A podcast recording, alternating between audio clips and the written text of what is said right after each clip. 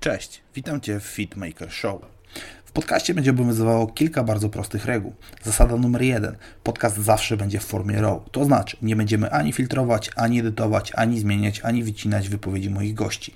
Zasada numer dwa: goście, którzy będą zapraszani do tego programu, zawsze będą mieli do powiedzenia coś ciekawego, coś kontrowersyjnego, coś mądrego. Nie zawsze na temat dietetyczny. Mam nadzieję, że będzie tu sporo gości ze strefy lifestyle'u, życia, nauki, książki bądź zupełnie innych dziedzin, na temat których do tej pory wiemy bardzo mało i mam nadzieję, że w trakcie tych wszystkich rozmów dowiemy się dużo, dużo więcej. Zasada numer 3. Nikt z zewnątrz nie będzie dyktował nam warunków nagrywania, a to znaczy, że żaden sponsor, który będzie brał udział w tym, aby ten podcast powstawał, nie będzie narzucał tego, jacy goście powinni się tu pojawić, nie będzie narzucał tego, w jakiej formie podcast będzie prowadzony, ani na jakie tematy będziemy rozmawiać. Ten odcinek podcastu powstaje przy pomocy dwóch firm. Firma numer jeden to sklep testosterone.pl, jeden z najlepszych sklepów internetowych, jeżeli chodzi o suplementację. W jego asortymencie znajdziecie takie rzeczy jak adaptogeny i to adaptogeny, które są zdecydowanie najwyższej klasy, ponieważ znajdziemy tam największe stężenie substancji aktywnych, jak w przypadku na przykład ashwagandy, różańca górskiego, bakopy czy gotukoli. To, co najważniejsze, sklep testosteron.pl może pochwalić się największą ilością certyfikatów w kontekście składów swoich własnych autorskich produktów. Tak więc, jeżeli szukacie suplementów naprawdę z najwyższego poziomu, spokojnie możecie się tam zgłosić. Dodatkowo na hasło marek dostaniecie 8% rabatu na całe zakupy dostępne w Waszym koszyku. Firma numer dwa, a raczej mógłbym śmiało powiedzieć projekt, ponieważ drugim sponsorem podcastu jest projekt Alpha którego założycielami jest Rafał Mazur, znany wszystkim doskonale jako zenjaskiniowca.pl oraz jego wspaniała małżonka Marta Mazur, która jako jeden z niewielu lekarzy w Polsce zajmuje się problemami androgennymi mężczyzn, szczególnie jeżeli chodzi o kontekst niedoboru testosteronu oraz prowadzenia te terapii TRT, czyli testosteron replacement terapii, terapii, na której znajdują się m.in. takie gwiazdy jak chociażby Mel Gibson czy znany wszystkim podcaster Joe Rogan. Zatem, jeżeli podejrzewasz u siebie problemy z testosteronem lub niedobór testosteronu, warto zgłosić się do pani dr Marty, wypełnić odpowiedni kwestionariusz na stronie projektalfa.pl i zgłosić się do specjalisty, który prawdopodobnie rozwiąże wiele Twoich problemów związanych z niskim libido, złym samopoczuciem, zmęczeniem, brakiem mocy bądź brakiem motywacji. Zatem, jeżeli chcecie kosmiczne połączenie, to polecam połączenie z jaskiniowca.pl oraz Marty Mazur pod nazwą projekt alfa.pl. Zatem, nie przedłużając, zapraszam Was do drugiego odcinka podcastu, którego gośćmi będą Marta Mazur oraz Rafał Mazur.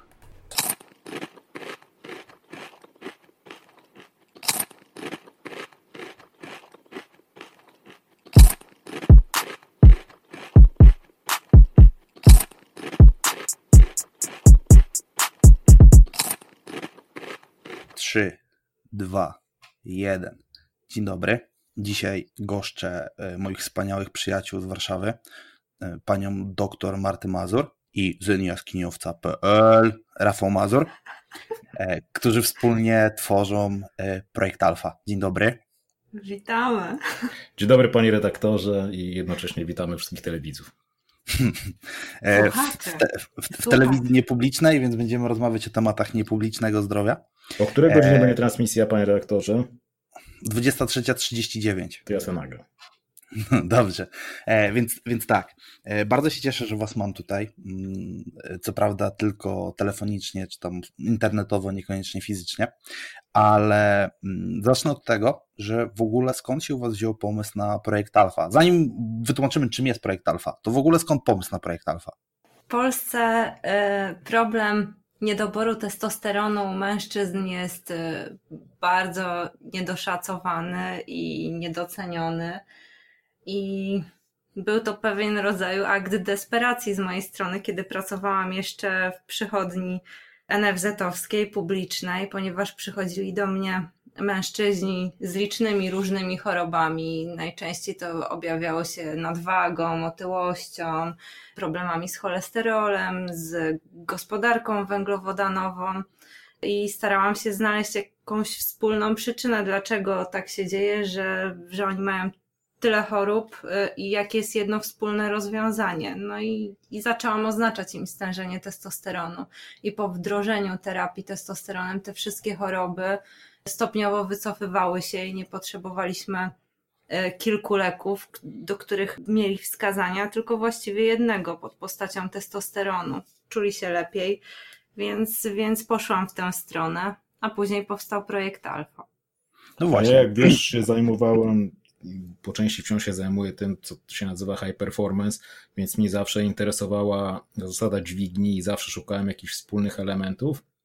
I potem między innymi okazało się, że terapia zastępcza testosteronem prowadzona w sposób medyczny może być elementem, który znacznie zwiększa y, wydajność tych ludzi, więc to było coś, co mnie zafascynowało, bo mimo, że nie jestem endokrynologiem ani nie jestem lekarzem, to zawsze fascynowały mnie hormony, bo one dają dźwignię. Problem polega na tym, że czasami dają dźwignię w dół, czasem dają dźwignię w górę. No i jakby połączyliśmy tą moją fascynację performancem, że tak powiem, w sensie rozumienia, rozumiejąc to jako bycie bardziej skutecznym i bardziej aktywnym w życiu, z tym, co teraz ma do zaoferowania medycyna na zachodzie. No i tak powstał projekt Alfa wspólnymi siłami i wspólnymi fascynacjami.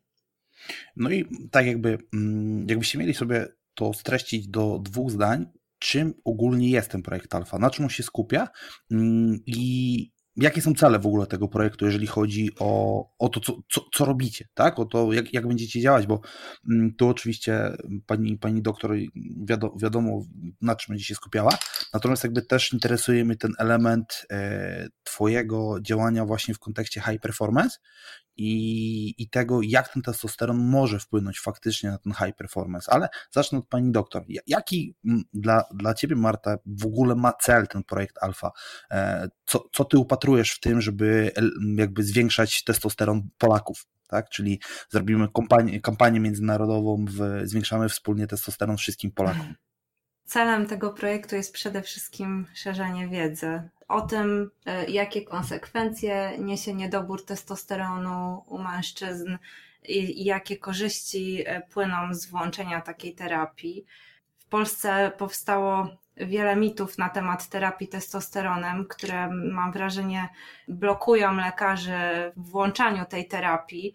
E, bo powstał mit o tym, że, że terapia testosteronem zwiększa ryzyka, ryzyko raka prostaty, czy też zwiększa ryzyko chorób sercowo-naczyniowych, a trzeba na to spojrzeć zupełnie inaczej e, i, i szerzyć tę świadomość tego, że, że tak nie jest, bo już powstają badania kliniczne, w których raka prostaty leczy się terapią testosteronem. Jak wiemy, na tę chorobę chorują mężczyźni w starszym wieku, którzy e, raczej mają problem z niedoborem testosteronu aniżeli z jego nadmiarem. Podobnie w kontekście chorób sercowo-naczyniowych. To jak wiemy, nadwaga, otyłość, hipercholesterolemia, stan przedcukrzycowy czy cukrzyca zwiększa ryzyko e, choroby sercowo-naczyniowej, więc jak e, możemy myśleć w kontekście terapii testosteronem e, o tym, że, że zwiększa ryzyko, skoro te wszystkie czynniki wpływa na nie pozytywnie, wycofując te zaburzenia lipidowe, węglowodanowe, poprawiając kompozycję ciała na korzyść tkanki mięśniowej. Więc celem tego projektu jest właśnie to, żeby szerzyć tę wiedzę i żeby obalać mity, które są mitami, które powstały 20-30 lat temu i trwają do dziś. To jest właśnie zabawne. Pozwól, że się tutaj zatrzymam trochę, bo e, ja jakby z własnego doświadczenia i pracy z klientami wiem, że ogólnie jest bardzo duży problem z samym poziomem testosteronu i mogłoby się wydawać, że ten problem będzie dotyczył właśnie panów na przestrzeni 45 wzwyż, tak? Bo gdzieś tutaj, jeżeli popatrzymy sobie na publikacje naukowe, to faktycznie ocenia się, że po 30 roku życia z każdym rokiem o pewien stopień, o pewien ułamek procentu tracimy jakby ten ogólny udział testosteronu. Natomiast ja w swojej praktyce coraz częściej spotykam panów po 20 mm, roku życia, po 25 roku życia, którzy mają ten testosteron y, kompletnie w podłodze. I teraz jakby z perspektywy typowo medycznej, czy ty Marta widzisz jakieś elementy wspólne, czy w ogóle spotykasz się z takimi panami, którzy zgłaszają się do ciebie w wieku właśnie, e, no nazwijmy to bardzo mocno reprodukcyjnym, no bo to między 20 a 30 rokiem życiem to dla nas jest pik, dla nas, dla mężczyzn to jest pik, jeżeli chodzi o kontekst testosteronu i tego, co się dzieje z hormonami, ale czy ty realnie masz, widzisz wysyp takich przypadków, albo czy trafiają się panowie, którzy się zgłaszają właśnie e, z takim problemem i w tym przedziale wiekowym? Tak, zgadza się. Widzę coraz częściej i mm, powiem tak, e, podejście jest troszkę inne niż e, do diagnostyki mężczyzn, którzy są już po 40 i, i u których spodziewamy się, że te stężenia testosteronu będą spadały na przestrzeni lat czy dekad. Natomiast w kontekście młodszych mężczyzn należy przyjrzeć się temu dokładniej e, i przeprowadzić dużo dokładniejszą diagnostykę przyczyn niedoboru testosteronu i przyczyn wtórnych i przyczyn pierwotnych, więc tutaj nad pacjentami w tej grupie wiekowej e, trzeba pochylić się bardziej i przeprowadzić dużo bardziej dokładną diagnostykę.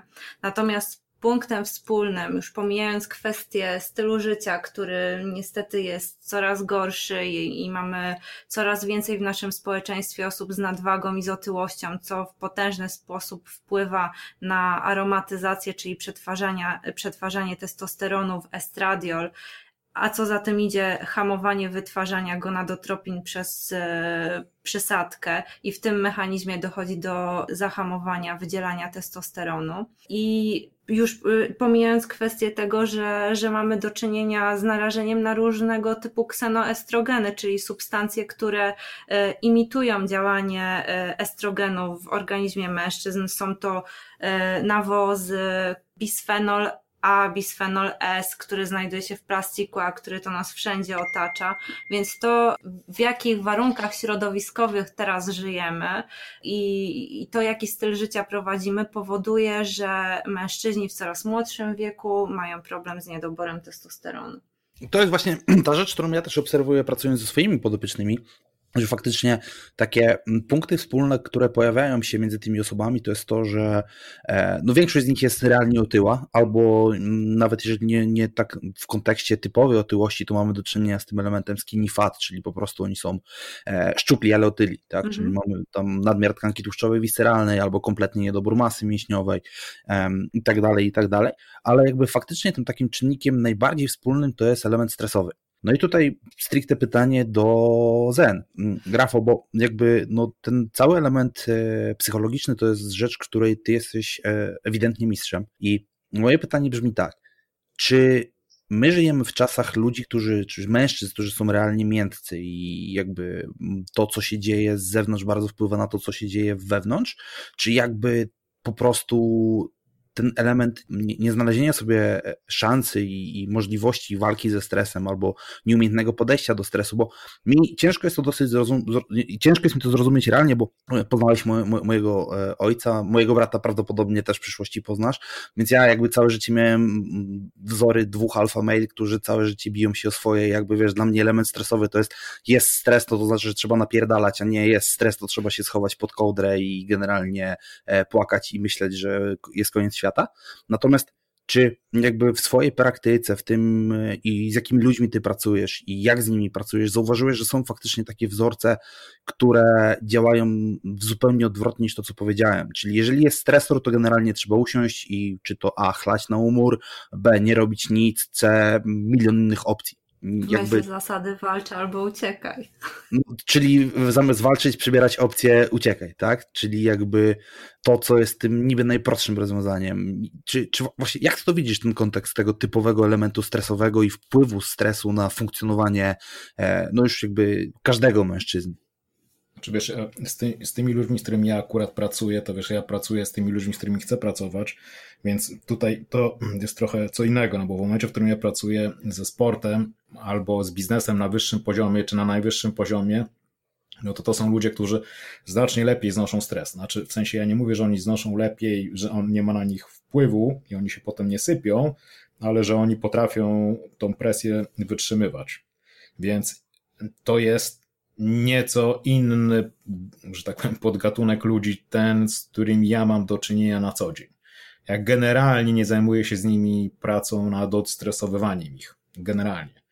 Natomiast e, jeżeli chodzi ogólnie, wiesz, o takie spostrzeżenia, powiedzmy, kulturowo-społeczne, no wiesz, mi się wydaje, że przyczyn jest wiele, że przyczyn jest wiele, jednak powiedzmy to ostatnie pokolenie były głównie wychowane jednak przez matki, nie, i synowie byli wychowani przez matki, wpływ ojców jest jakby trochę inny. Zapewne ten wpływ środowiska z który powoduje, że jest mniej testosteronu, więcej estradiolu, powoduje, że jakby to się zaczyna robić, wiesz, taki efekt, to co Charlie Mager nazywa efektem Lollapalooza. Dodajesz parę elementów, wiesz, i czasami 2 plus 2 oznacza 12, nie? A nie 4. Więc te pewne elementy społeczne, te wydelikacenie, ta wiesz, histeria mediów, e, to, że w tym momencie tak na dobrą sprawę jesteśmy w jakiejś kulturze, gdzie wszyscy są ofiarami i każdy głośno domaga się swoich praw, wiesz, internet i media społecznościowe, które sprawiły że, i algorytmy, które są ustawione w ten sposób, że tam powiedzmy na Facebooku, czy wiesz, gdzie indziej dostajesz efekt potwierdzenia i w momencie, w którym uważasz, że coś jest szkodliwe, albo coś jest dobre, albo coś jest złe, to algorytm podrzucają ci więcej informacji, które cię wspierają, więc to jest dla mnie element, który jest całościowy. No to, że teraz społeczeństwo jest bardziej pizdowate niż na przykład 50 lat temu, to w ogóle nie ma jakby co do tego wątpliwości. Ja tylko nie wiem, co było pierwsze, wiesz, ja nie wiem, czy to, czy, czy spadek poziomu testosteronu facetów to powoduje, czy z kolei zmiana mentalu powoduje, że ten testosteron spada. Ja nie mam pojęcia, mam wrażenie, że to się jedno e, z drugim nakręca. Wiesz, ja poznałem twojego ojca i znam mojego ojca. To nie są kolesie, którzy sobie rozmawiają a propos tego, co zrobić, żeby się rano zmotywować do wstania. Oni nie znają takiego pojęcia. Jak im się nie chce, to po prostu stają i robią. To są po prostu goście, którzy myśleli w zupełnie inny sposób, byli w zupełnie inny sposób wychowywani i wiesz, tam okazywanie jakichś tam słabości, czy wręcz nawet emocji było dla nich trochę powodem do wstydu. Nie? To oczywiście ma też swoje inne elementy, a czy i inne konsekwencje, ale to było coś e, zupełnie innego. Ja nie wiem dokładnie, jakie są przyczyny. Myślę, że są po prostu, że to jest miks połączenia pewnego rodzaju wychowania, pewnego rodzaju informacji, które przekazują media e, i tych elementów, powiedzmy, jakichś tam endokrynologicznych, gdzie nie mam pojęcia, co się zaczęło pierwsze, wiesz, bo na przykład dzisiaj się mówi sporo o tym, że spożywanie alkoholu obniża poziom testosteronu, prawda? Ale jednocześnie wiemy, że powiedzmy nasi dziadkowie czy pradziadkowie za kołnierz nie wylewali, a ten poziom był jednak e, mimo wszystko wyższy. Nie? I wiesz, także to nie wiem dokładnie, czy jest jakaś jedna przyczyna, e, ale bez wątpienia potrzeba jakiejś zmiany paradygmatu myślenia i e, eksponowania się na ry, rywalizowanie albo po prostu e, zmierzenie się ze słabościami wewnętrznymi albo przeszkodami zewnętrznymi, żeby uruchomić te bardziej pierwotne i ewolucyjne pokłady. Zresztą my wiemy między innymi, że wygrywanie powoduje, że poziom testosteronu wzrasta. Nie? Wygrywanie jest z kolei częścią rywalizacji, więc jeżeli ktoś unika rywalizacji, jeżeli unika konfrontacji, to po części biologicznie jest naturalne, że te poziomy będą u niego spadały. Więc zmiana podejścia, zmiana stylu życia i skonfrontowanie się ze swoimi słabościami i dążenia do tego, czego się naprawdę chce, a nie co nam wmawia społeczeństwo, na pewno byłaby, byłaby zmianą, ale z drugiej strony, no wyżej dupę nie podskoczysz i w momencie, w którym ktoś po prostu ma niski poziom no i nadaje się do tego, żeby wejść na TRT medyczne, no to może skorzystać wtedy z TRT medycznego i stworzyć lepsze środowisko hormonalne, które pozwoli mu działać. Tyle mogę powiedzieć. To jest właśnie taka. To można, to można podkręcić nie tylko y, terapią testosteronem, to, to, trzeba, to jest ważne i trzeba to powiedzieć. Mieliście y, podcast o adaptogenach.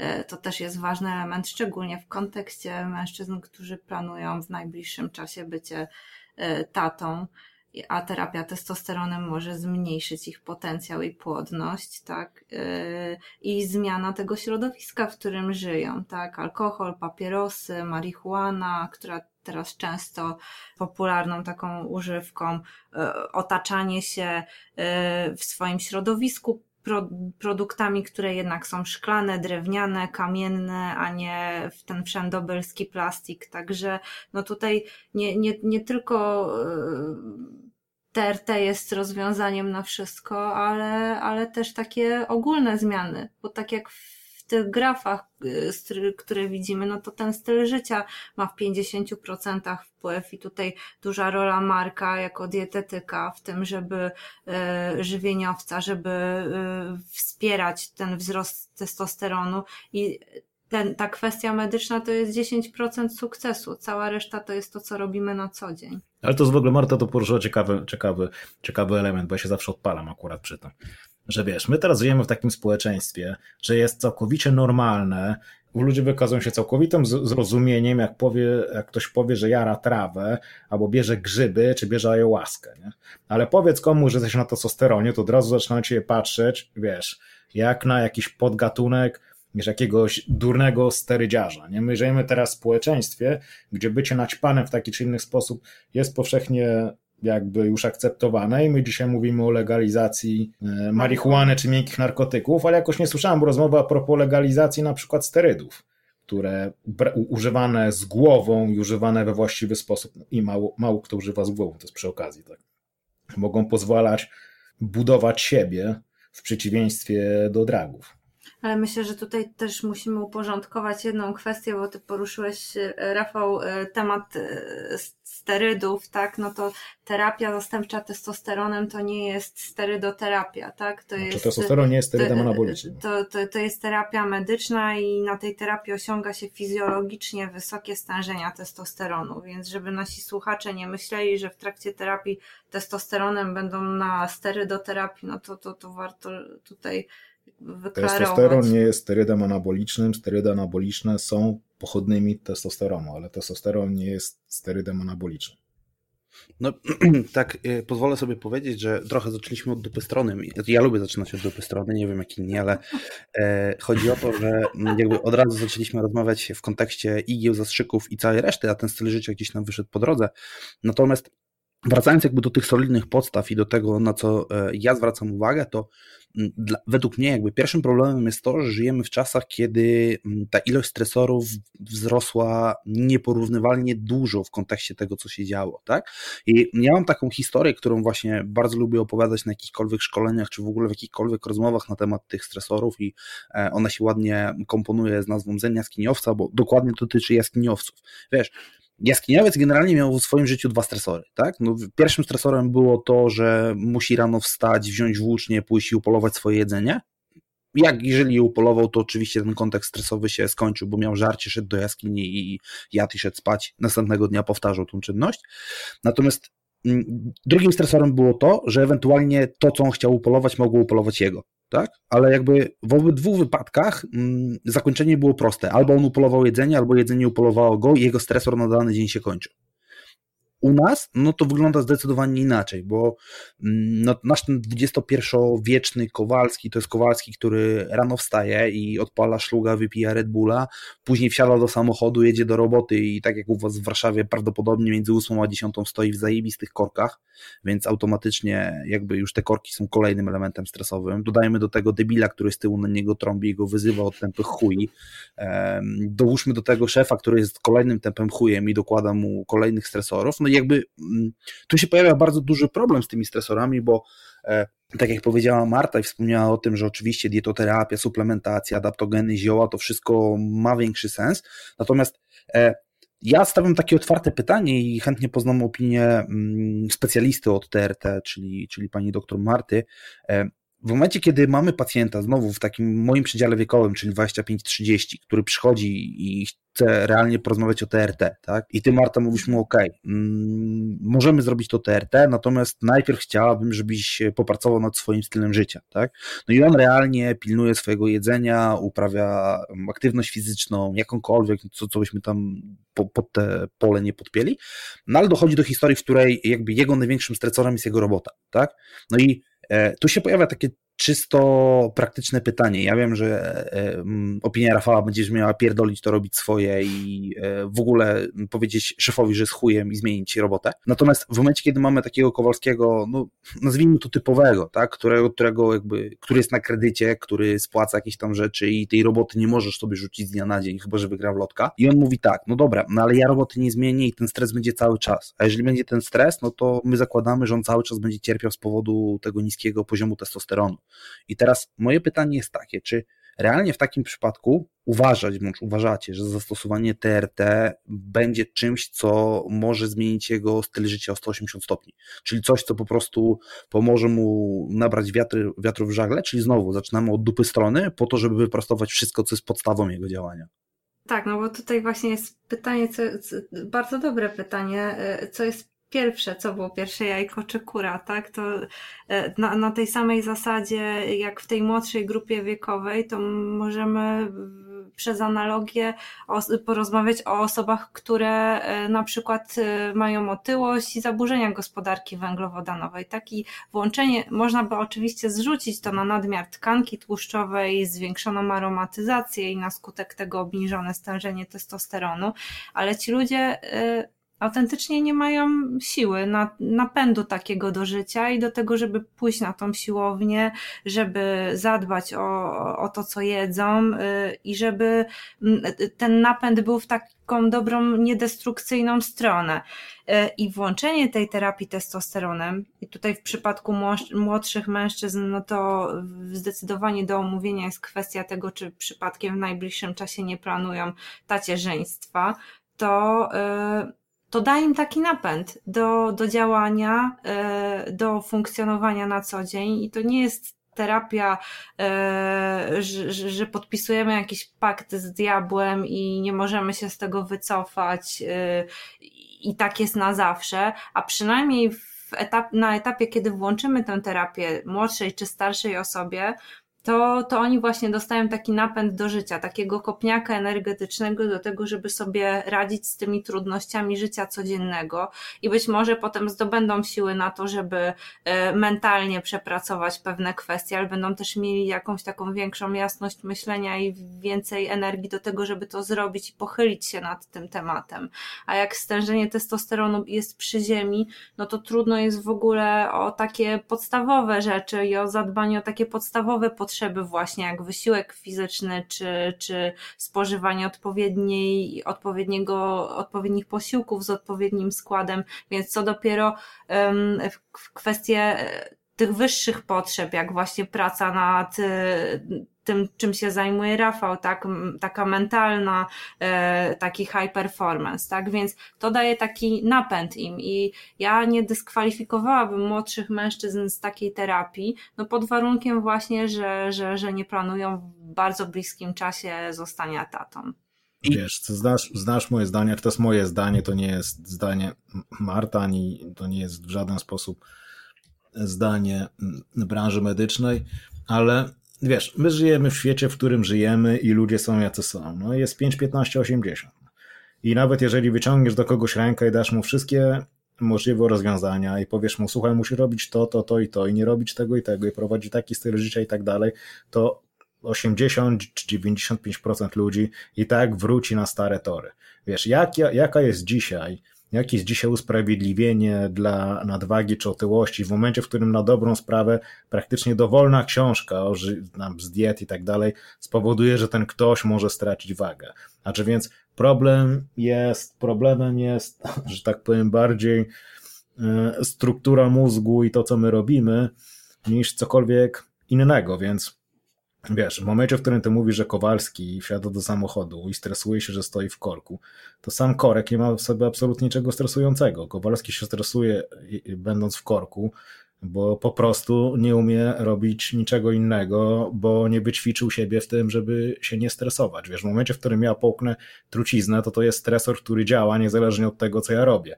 Ale w momencie, w którym ja się stresuję swoim dniem, to to jest cudzysłów moja wina. Czy dobra, okay, może nie powinienem mówić o winie, tylko ja mogę wziąć odpowiedzialność na siebie, żeby tego nie robić. Wiesz, większość tego stresu wynika tak naprawdę z percepcji. Nie? Jedną z roli mózgu jest kwestia odbierania bodźców i percepcji, ale teraz percepcja jest subiektywna. Ktoś sra ze strachu lecąc samolotem, a ktoś czuje podniecenie, bo za chwilę będzie skakał ze spadochronem. Nie? Obaj są na tej samej wysokości. Wiesz, to jest tak jak w tym przykładzie, który ja często podaję. Wiesz, w momencie, w którym jesteś badaczem, naukowcem i siedzisz, masz, lecisz samolotem, powiedzmy lecicie Boeingiem, jesteście na wysokości 11 tysięcy metrów i masz z lewej strony osobę, która jest totalnie przerażona lotem. Po prostu jest totalnie przerażona a z drugiej strony obok masz osobę, która jest absolutnie ekstatyczna. Tu zajebiście się czuje i się strasznie to cieszy. Przywołuje mi nasze loty. I się strasznie cieszy, i się strasznie cieszy, że leci samolotem. I teraz jako naukowiec powiedz mi na podstawie tych dwóch osób, co możesz obiektywnie powiedzieć o tym, w jakim stanie technicznym jest samolot. No, no oczywiście kompletnie nic. No nic, to bo to jest jedna i druga z reakcją e, subiektywną. Więc wiesz, to co, to, co, to, co jest fajnego e, w TRT, to jest to, że tak naprawdę ten ktoś musi się zobowiązać do pewnego rodzaju minimum dbania o siebie, no i przyjmować testosteron i to na pewno przełoży się na to, jak on się będzie czuł i to jest bankowe. I to może właśnie, tak jak powiedziałeś, dać mu ten, wiesz, drugi wiatr w żagle, czy w ogóle może pierwszy wiatr w żagle do tego, żeby zaczął coś robić, bo on po prostu być może pierwszy raz od dawna będzie miał poczucie, że w końcu zaczyna wygrywać, że w końcu będzie miał jakiś poziom energii, bo głównym problemem jest to, że po prostu ludzie nie mają siły, nie mają energii do tego, żeby wprowadzić jakąś zmianę. I w momencie, w którym dostaną trochę tej energii nagle poczują się lepiej, zaczną trochę lepiej wyglądać, ktoś im powie, że wyglądają lepiej i tak dalej, tak dalej, to będą mieli pozytywne wzmocnienia i wtedy ten, ten lekki ruch do przodu można powoli zamieniać e, w pęd. To jest właśnie to, co mi e, jakby daje jakby może inaczej. Mm, to, to, o czym ty mówisz właśnie w tym pędzie i tym działaniu, w tym wewnętrznym spokoju, to jest to, co zawsze ja opowiadam w kontekście swojego TRT, ponieważ ja jakby nigdy nie ukrywam tego, że jestem na, RT, na TRT. Umówmy się, że dawki, które przyjmuję od tam dwóch czy trzech lat, no to nie, nigdy nie podchodziły nawet po tych, jakikolwiek kontekst sterydoterapii, którą wcześniej sobie mówiliśmy. Natomiast u mnie realnie ten problem wynika mm, prawdopodobnie z jednej rzeczy i na pewno z drugiej. Natomiast z jednej prawdopodobnie, bo będąc nastolatkiem, jeden z moich przyjaciół, którego serdecznie nie pozdrawiam w tej chwili, e, przywalił mi aluminiowym baseballem w łeb. Zupełnie przypadkiem, bo on akurat, graliśmy w Palanta na WF-ie, on akurat brał rozmach, a ja akurat schyliłem się, żeby zawiązać sznurówkę u buta. Więc podejrzewam, że gdzieś tam delikatnie coś mi w tym mózgu skasował, nie licząc połowy dzieciństwa. A, czyli uwalnął cię w głowę, a nie tam. Tak, ale umówmy się, że ta, ta, głowa też jest odpowiedzialna trochę no, za. Oczywiście, że jest. Oś, cała ta przysa, Przysada, wzgórze przysadka e, na jądra, czy tam jądra w kontekście produkcji tego testosteronu, więc jakby zakładam, że tam coś po prostu delikatnie się poprzestawiało, abstrahując od tego, że może mi wrzuciło na dobre życiowe tory. No i druga rzecz, no to jest oczywiście ta ilość elementów e, zawodowych w moim życiu, bo robienie tam X, Y, Z tego wszystkiego, co gdzieś tam się w moim życiu dzieje, po prostu wpływa na to, że tych stresorów jest bardzo bardzo dużo. No i o tyle, o ile faktycznie ja w tej skali świadomej jestem w stanie sobie z tym poradzić i no, oczywiście pracuję nad, nad tym z Rafałem, to też jest jakby żaden sekret. Natomiast często jest tak, że jakby ta podświadomość realnie to odczuwa i to się po prostu przerzuca na funkcjonowanie układu nerwowego, czy przerzuca się na funkcjonowanie ciała i mm, to, co ja zauważam, to, że mm, stosowanie tego TRT pomaga mi realnie utrzymać pełen wewnętrzny spokój. Oczywiście, abstrahując od sytuacji, w których tego spokoju nie powinienem zachowywać, aczkolwiek ja swój sposób spokój porównuję do tego, o czym bardzo często opowiada mm, Joe Rogan e, w kontekście czarnych pasów brazylijskiego jiu-jitsu. Tak? E, historia, w której jeżeli e, czarny pas z brazylijskiego jiu-jitsu wchodzi do baru i to do baru, w którym możemy spotkać samych Harley'owców z Hells Angel, to on obserwując ich zastanawia się, w jaki sposób każdego po kolei by poddał, zaczynając od ich kamizelek, kończąc na kaskach. Tak? I ja mam dokładnie tą samą sytuację, czyli mi utrzymywanie tego stabilnego poziomu testosteronu i tych stałych e, dawek testosteronu pomaga osiągnąć względny spokój, czyli ja jakby mam to wszystko na tyle poukładane, że mm, w momencie nawet, kiedy mój dzień jest na tyle obciążony, że jedna obsuwa o 5-10 minut może rozpierdolić dosłownie wszystko, bo zepsuć to jest zbyt łagodne słowo, natomiast może po prostu przesunąć każdy element mojego dnia o następną godzinę, dwie albo zepsuć cały tydzień i tak zachowuję względny spokój, tak? I mm, to jest taka podwalina, która, pod którą ja mogę układać sobie całą resztę, tak? Czego naprawdę w momencie, kiedy ten poziom testosteronu był przy podłodze, a on u mnie znajduje, znajdował się u podłodze praktycznie cały czas w kontekście czy to mądrego postępowania treningowego e, ala Goggins, czy, czy samych ilości stresorów, które się gdzieś tam pojawiały, to teraz faktycznie mogę powiedzieć, że to te, ten schemat TRT, na którym ja jestem, i to jest schemat TRT, który był konsultowany właśnie e, z panią doktor między innymi, jest schematem, który mi najbardziej pomaga e, w kontekście ogólnego funkcjonowania na co dzień. Daje mi ten drive, o którym tak często mówi właśnie Rafał. I znowu, Rafał, bo jak sobie popatrzymy na tych ludzi, na których ty się e, powołujesz, o których nagrywasz swoje programy i, i piszesz swoje artykuły, czy to właśnie Dań Penia, czy Ed, Ed Mallet, tak? tak? Chyba tak się wymawia jego nazwisko. Ed Milet, no Ed Milet to tam nie tylko TRT jest, wiesz, to to widać. Nie? Czy chociażby Ed Milet, to ciężka bomba musi być. No tak? Czy, czy nawet sam Dan Bilzerian, no to jeżeli popatrzymy, to patrzymy na tych On ludzi... On ma dodatki w protokole. to e, realnie większość z nich, tak, czy nawet wspomniany wcześniej przeze mnie Joe Rogan, to większość z nich jest na TRT i jest na tym TRT już od grubych lat, tak? I tu się pojawia takie pytanie, które mi często gdzieś tam przychodzi przez myśl. Czy uważasz, że realnie TRT e, stanowi o części ich sukcesu i o tym, że mają taką osobowość, a nie inną? Znaczy na pewno, na pewno stanowi element składowy. Nie mam co do tego wątpliwości, bo tak jak mówisz, stabilizuje środowisko wewnętrzne i rzeczy stają się łatwiejsze. E, wiesz, to jest w tym, w tym poście o Danie Bilzerianie, który napisałem, tam był taki jeden ukochany fragment, mój ukochany fragment wywiadu, wiesz, z Bilzerianem, jak się go pytają o to, w jaki sposób on dba e, o swoją głowę, nie? Wiesz, w jaki sposób dba o swój mental. No, on im właśnie odpowiada, że TRT, nie? Bo że to jest dla niego, wiesz, zamiast medytacji. Więc nie mam, nie mam wątpliwości, że to jest element. Natomiast też umówmy się, wiesz, że to są ludzie, którzy już mieli wysoki poziom kompetencji i już mieli pewnego rodzaju postawę, więc to był jeden z elementów, który im pomógł. Jeżeli weźmiemy kogoś, kto nie ma postawy, kto nie ma kompetencji, niczego w życiu nie robi i wrzucimy go na TRT, to on po prostu będzie kolesiem, który niczego w życiu nie robi i nie ma postawy na TRT jakby tutaj się zbyt wiele nie zmieni. No i tak... efekt tej, przepraszam, że tak wejdę hmm. słowo, efekt tej terapii wtedy nie jest tak spektakularny jak, jak, jak wtedy, kiedy się pracuje nad sobą, bo nawet w kontekście kompozycji ciała to bycie na, samym, na samej terapii testosteronem nie powoduje, że, że ta kompozycja ciała zmienia się w jakiś spektakularny sposób. No, trzeba to napędzać w dobrą stronę, y, regularnie ćwicząc i to aerobowo i siłowo, żeby do tej rekompozycji ciała doprowadzić to właśnie te komponenty, o których wspominacie, przypomina mi jeden z ważniejszych cytatów, który gdzieś tam wisi, wisi na mojej tablicy wizualizacji. To jest, że mm, jeszcze nawet w kontekście tego, co wcześniej powiedział e, Rafał, że mm, samo TRT gdzieś tam w społeczeństwie jest kojarzone z tępymi sterdziarzami, tak? Czyli jeżeli jesteś, jesteś na tej kolokwialnej bombie, to automatycznie musisz być, e, re reprezentować ten niziny społeczne w kontekście kontekście mm, funkcjonowania twojej głowy czy zachowania, tak? Czyli jesteś po prostu brakuje mi słowa, żeby nie urazić jakiejś grupy społecznej, no ale jesteś tam e, nasterdowanym debilem, tak? Co jakby u mnie jest taki na tablicy wizualizacji cytat, który mówi o tym, że nie wyćwiczysz umysłu nie ćwicząc ciała, natomiast nie wyćwiczysz ciała nie ćwicząc umysłu.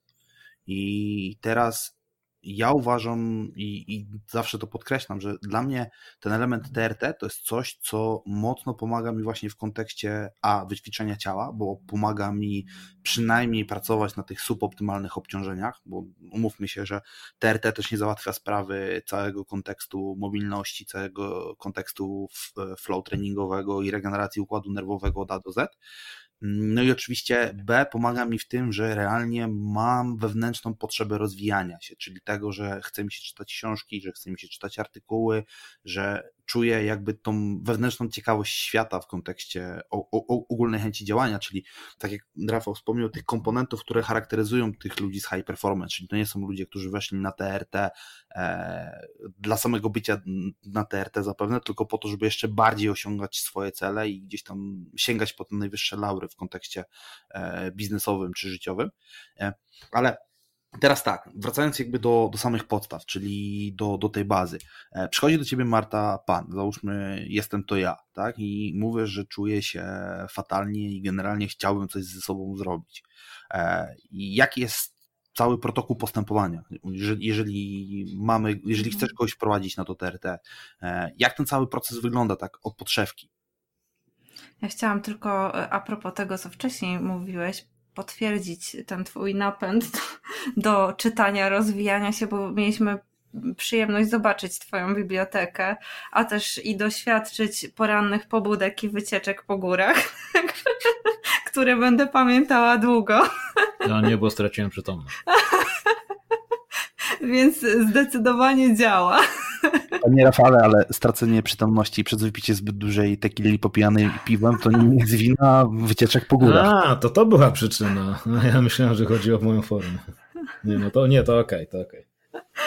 No dobrze, a wracając do, do, do pytania, to jeżeli do mnie przychodzi pacjent i zgłasza objawy, które mogą sugerować niedobór testosteronu, na takim kwestionariuszem, który Oczywiście on nie jest idealny, ale w pewien sposób weryfikuje y, objawy niedoboru testosteronu. To jest kwestionariusz ADAM, który między innymi znajduje się na stronie projektu Alfa y, w zakładce Sprawdź i każdy ze słuchających, który podejrzewa u siebie takie objawy niedoboru może w tej zakładce przeklikać te objawy i sprawdzić. Są to objawy zarówno z zakresu tam, zaburzeń funkcji seksualnych, libido, erekcje, jak i właśnie takie kwestie energetyczne. I ta, ten kwestionariusz jest takim badaniem przesiewowym, który no, pokazuje nam, czy, czy, czy, czy trzeba podążać w tym kierunku i diagnozować, czy, czy to nie jest ten temat i ten problem. No i jak przychodzi do mnie pacjent, to mm, ja staram się nie ograniczać, bo jestem też e, internistą, więc tak patrzę na, na pacjenta całościowo i nie ograniczać się tylko do jednego problemu, jakim jest niedobór testosteronu, tylko generalnie mm, zaczynając nawet, kwalifikując pacjenta do takiej terapii, no warto zrobić taki ogólny przegląd i te badania nie ograniczają się tylko do oznaczenia testosteronu całkowitego czy wolnego, tylko też do oceny właśnie funkcji tarczycy, gospodarki węglowodanowej, lipidowej i, i kilku innych parametrów, które pokazują nam, czy, czy to jest tylko właśnie kwestia niedoboru testosteronu, czy jeszcze inne czynniki, które nakładają się na siebie, dając finalnie objawy pod postacią braku energii, czy senności poposiłkowej, czy, czy takiego braku napędu do życia, czy tych właśnie zaburzeń funkcji seksualnych. No i jak zrobimy ten przegląd badań, taki całościowy, no to wówczas po przedyskutowaniu oczywiście z pacjentem, na jaką formę terapii się decyduje i czy w ogóle, no dostosowujemy to bardzo indywidualnie do, do, do poszczególnych osób, ich potrzeb w danym momencie i punkcie życiowym tu z kwestionariuszem to jeszcze w momencie, kiedy ja dosyć intensywnie przyjmowałem pacjentów w gabinecie, to miałem taką historię, którą uwielbiam, w sumie dwie takie historie, które uwielbiam, uwielbiam opowiadać, to jednym z najprostszych badań diagnostycznych, które w mojej ocenie e, mężczyzna może Wiem, przeprowadzić. Wiem o czym powiesz. Takie. Mężczyzna może przeprowadzić e, w kontekście swojego poziomu testosteronu, no to jest ten tak zwany morning wood Czyli to, czy rano jest, czy rano nie ma, tak? No i jedna, jedna z najbardziej zabawnych historii to kiedy przyjmowałem parę i właśnie to pytanie zostało zadawane do pana, czy no dobra, no to w takim układzie, w takim układzie rano jest, czy rano nie ma? No i oczywiście, no jak to facet, myślę, że ja z Rafałem zareagowalibyśmy dokładnie w ten sam sposób. Wy jesteście na TRT, to już nie jesteście obiektywni. No. W tym momencie, no nie, wiadomo, że teraz to ja, ja się śmieję, że jeżeli y, miałbym wychodzić, to generalnie jakbym miał wychodzić z sypialni bokiem, to pewnie bym się nie zmieścił przez drzwi. Tak zwane wyjście o tyczce trzeba uprawiać. Tak, I to nie chodzi o brzuch, tak? E, I to oczywiście partnerka tego pana spojrzała się na niego wymownym wzrokiem i mówi, mhm, a może byś powiedział łaskawie prawdę, jak to wygląda. No i druga historia to oczywiście pytanie, bo podejrzewam, ja tego kwestionariusza nigdy nie przyglądałem, myślę, że to jest mój błąd, bo też może mocno mi się przydać w mojej pracy zawodowej, no ale drugie pytanie to jest właśnie kontekst o mm, częstotliwość stosunków, tak? No i oczywiście pan z pełnym e, uparciem mówi trzy razy w tygodniu, po, czym jego, po czym jego żona patrzy i mówi, no chyba ty. Tak? więc, więc jakby to są takie właśnie elementy diagnostyczne dosyć proste, które już będą nam sugerowały e, faktycznie problem e, z libido i, i mm, wskazywały na jakieś niedobory testosteronu. E, to, co mnie bardzo często zastanawia właśnie w trakcie rozmowy z takimi osobami i w ogóle rozmowy na temat e, samego TRT, testosteronu, to jest ich przerażenie na twarzach. Ja mam wrażenie, że w momencie, kiedy oni do mnie przychodzą jako do specjalisty, ja zaczynam mówić o testosteronie per se i o tym, żeby zgłosić się do specjalisty, to oni na mnie patrzą, jakbym chciał im sprzedawać e, wężowy olej, albo w ogóle w tym momencie tracą całkowite zaufanie, bo ja im proponuję sterydy. A przecież sterydy w rozumieniu społecznym to jest zło. I tak. tu to co mnie śmieszy, to jest to, co powiedział wcześniej Rafał i pod czym ja się podpisuję, że my mamy społeczną zgodę na narkotyki twarde, coraz większą społeczną zgodę, e, znaczy społeczną zgodę, zgodę na narkotyki miękkie i coraz większą społeczną zgodę nawet na narkotyki twarde, ponieważ umówmy się, że w wielu kręgach spożywanie e, donosowe kokainy jest e, społecznie akceptowalne, tak? A alkoholu nie wspominając. Oczywiście, no to alkohol to jest jakby już część kulturowa. kulturowa. E, kulturowa naszego społeczeństwa. I w momencie, kiedy dochodzi do rozmowy na temat e, testosteronu bądź TRT e, i tak dalej, i tak dalej, to nagle są oczy jak 5 zł i jest sterydy? Nie, no sterydy to nie, tak? Ćpanie tak, ale sterydy to nie. No i to jest moje pytanie, bo mm, jakby ty Marta jesteś dosyć młodym lekarzem, mówmy się. I... Dziękuję. bardzo, bardzo proszę. I, i tu, się tu się pojawia to, z jak dużą ścianą społeczną, e, zarówno wśród innych profesjonalistów, z którymi masz do czynienia, jak i z pacjentami, z którymi pracujesz, ty się spotykasz. Jak jakby nasze społeczeństwo, czy w ogóle nasze społeczeństwo, zarówno w gronie specjalistów, jak i w gronie e, osób, które powinny być poddane tej terapii, jak, jak oni na to reagują? Jak, jak oni w ogóle traktują takie podejście i e, słowa, które padają od lekarza takiego jak ty, że powinien pan, no pani raczej nie, chociaż no w dzisiejszych czasach to nigdy nie wiadomo, e, przejść na TRT? To znaczy, ta grupa pacjentów, która do mnie przychodzi, to są zwykle już osoby świadome i dużo lepiej się pracuje z takimi osobami, bo są partnerami i nie ma takiego modelu wtedy paternalistycznego, jaki kiedyś królował we współpracy z pacjentami, gdzie to lekarz mówi, co pacjent ma robić, a pacjent to przyjmuje i się słucha, tylko, tylko taki model, gdzie naprawdę dyskutujemy, y, pacjent dużo wie, y, a ja jestem tak naprawdę takim wiatrem w żagle, który e, dmucha w tej żagle i, i napędzam w dobrą stronę.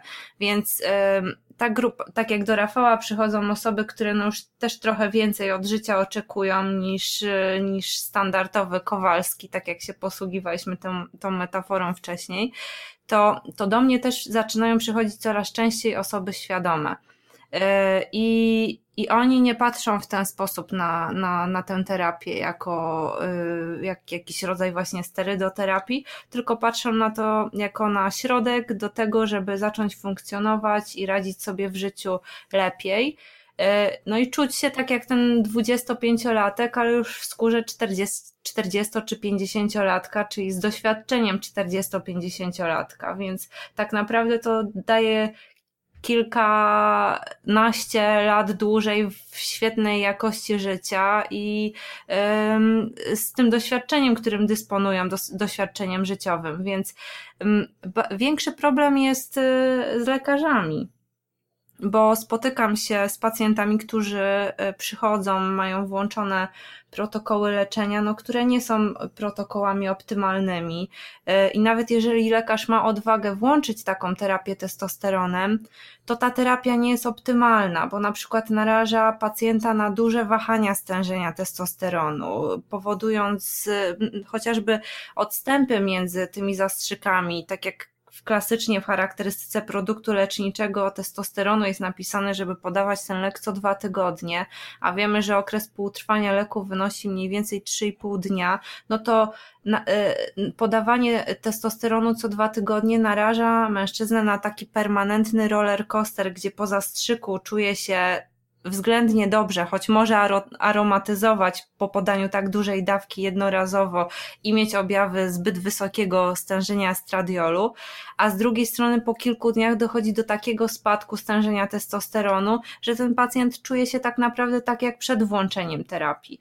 Więc yy, Większy, większy problem jest w kontekście tego, że te protokoły są nieoptymalne, mogłyby być lepsze, no i krążą wciąż e, te mity, które trzeba obalać, o których wspomnieliśmy na początku rozmowy.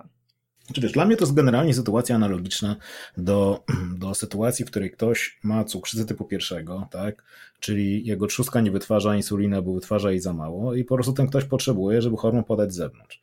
I tak samo trochę jest tutaj. No z takich czy innych powodów ktoś nie produkuje tyle testosteronu, ile by mógł, dlatego podajesz go z zewnątrz. Jakby cała filozofia jest dla mnie tutaj jakby wyjaśniona tą analogią. No to z tym, czym jest insulina przy cukrzycy typu pierwszego, dla mnie przynajmniej. I o ile w przypadku ho kobiet hormonalna tak. terapia zastępcza jest czymś takim, co, co, co funkcjonuje i e, z dużo większą łatwością jest przepisywana, o tyle w przypadku mężczyzn no, jest jakaś blokada społeczna i głównie właśnie w środowisku lekarskim niestety. To jest właśnie to jest bardzo ciekawe, bo to jest też między innymi hormon, który odpowiada za taką główną tożsamość faceta, prawda?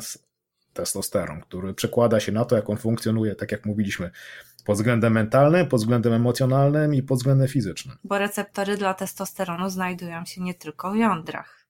Tu jakby właśnie ta analogia, którą wy się, posłuży, którą wy się posłużyliście dosłownie przed chwilą, że w momencie, kiedy kobiety mają menopauzę, idą do ginekologa i przychodzą na chorobie, hormonoterapię zastępczą estrogenami, mm, to my, panowie, przecież mamy bardzo podobne schorzenie, które nazywa się andropauzą. Tak? I teraz w momencie, kiedy mamy andropauzę, e, idziemy do lekarza i mówimy, że chcielibyśmy coś z tym zrobić, a lekarz mówi, no co, no już się pan starzeje, już tam dzigi, dzigi, czubli, ubli nie będzie, tak? Musi się pan z tym liczyć. I jakby, wiesz, to, to, to, co mnie śmieszy, to jest to, że jakby my jako e, Polska, jako, jako ten element e, narodowy, my jesteśmy 100 lat za tym, co się dzieje w Stanach, tak? Gdzie w momencie, gdzie mamy kliniki młodości, to kliniki młodości znajdują się praktycznie na każdym rogu i kiedy pacjent wchodzi i ma jakiekolwiek zaburzenia, bądź jest w tym wieku, który już sugeruje włączenie jakiejkolwiek e, terapii hormonalnej, to nagle dostajemy podawanie hormonów wzrostu, dostajemy podawanie właśnie e, testosteronu i jakby to jest społecznie akceptowalne i nikt jakby się nie dziwi, że mamy panów po 50, 60, którzy są na czymś, co realnie mogłoby podchodzić dla nas, dla jakby do, dla, dla polskiego społeczeństwa pod e, lekką bombę, tak? Bo te dawki są realnie większe niż to, co się stosuje chociażby u nas w andrologii. I w ogóle takich andrologów z którymi można porozmawiać na temat TRT jest bardzo mało. Zresztą mm, my mamy, mamy tutaj w Skorzelcu mm, znajomego, który, który jest lekarzem zajmującym się e, właśnie problemami, problemami panów na wielu przestrzeniach ja z nim miałem kiedyś taką ciekawą dyskusję na temat e, samego poziomu testosteronu, tak? Bo, bo jakby on zawsze mówi, co bijesz, bijesz, a ja mówię, no oczywiście, że biję, tak? Mam, mam ku temu powody, więc jakby jestem na tym TRT. E, no i mieliśmy taką dyskusję, w której ja usilnie starałem mu się wytłumaczyć, że jakby tych elementów wpływających na wzrost poziomu testosteronu jest bardzo dużo, zależnych życiowo, zależnych żywieniowo, czy to, że chociażby cholesterol i, i pregnenolon jest e, samym prekursorem testosteronu, jeżeli tego nie będzie, to też będzie tragedia, jeżeli chodzi o, o, o, o kontekst testosteronu. No i oczywiście kończyło się na tym, że nie, no, ty się nie znasz, bo ty jesteś w ogóle dietetykiem, żywieniowcem, to co ty możesz wiedzieć o e, hormonach, tak? I to jest właśnie ten element, którego ja nie rozumiem, bo ja po części biorę jako, jako specjalista od kwestii żywienia, czyli wpływające na kompletne podstawy funkcjonowania ludzkiego organizmu. Zawsze zlecam kompleks badań, tak? I teraz widzę taki kompleks badań i widzę faktycznie, że ten testosteron jest w dolnych granicach normy albo już jest grubo poniżej normy i chciałbym go wysłać taką osobę do specjalisty, teraz już mam, bo będę odsyłał, wiadomo, projekt alfa.pl, to jest jakby logiczne. Natomiast wcześniej było tak, że ja z taką osobą nie miałem co zrobić, bo ja jako e, osoba, która nie może wystawiać recept, nie może mm, jakby sugerować takich terapii legalnie, e, byłem w kropce, bo wiedziałem, tak, że rozwiązanie problemu. Mhm bo rozwiązanie problemu jest banalnie proste i tak jak powiedział Rafał, tak? No jeżeli mam cukrzyka typu pierwszego i taka osoba do mnie trafia i ja stawiam diagnozę, że to jest cukrzyca typu pierwszego, wysyłam go do diabetologa, to diabetolog w moment po, po podejmuje decyzję o podaniu insuliny, to w momencie, kiedy miałem taką osobę, to nagle pojawiała się ściana, bo co ja mam z nią zrobić? Rozwiązanie problemu jest to wyciągnięcie ręki, aczkolwiek nie miałem z kim o tym rozmawiać, bo nawet lekarze pierwszego kontaktu nie chcą o tym rozmawiać z prostej przyczyny, bo dla nich testosteron jest sterydem i tego się nie używa i w ogóle jest ble. Tak? Przypominając ja... kwestię tego, że jak ja podejmowałam się włączania w ramach e, takiej pracy w ośrodku publicznym NFZ, e, takiej terapii, to wizyta w, w ramach poradnianej, takiej poradni NFZ to jest kwadrans.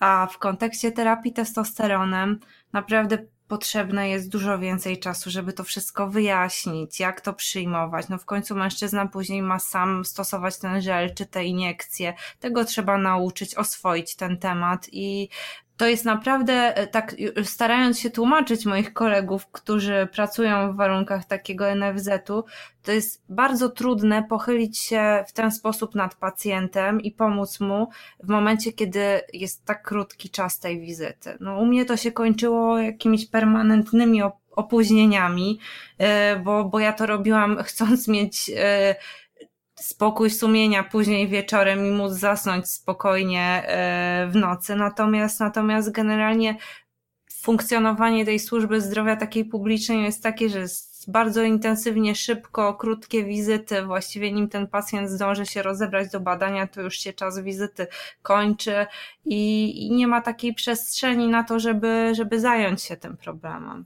Ja, ja, ja taką historię jeszcze, znaczy ty ją znasz, bo my już sobie o tym rozmawialiśmy, ale ja pamiętam jak między innymi była taka sytuacja, że jak Marta właśnie była dokładnie tej przychodni, o której mówiła, to ona między innymi miała człowieka, który przychodził do niej, który stosował sterydy. Nie?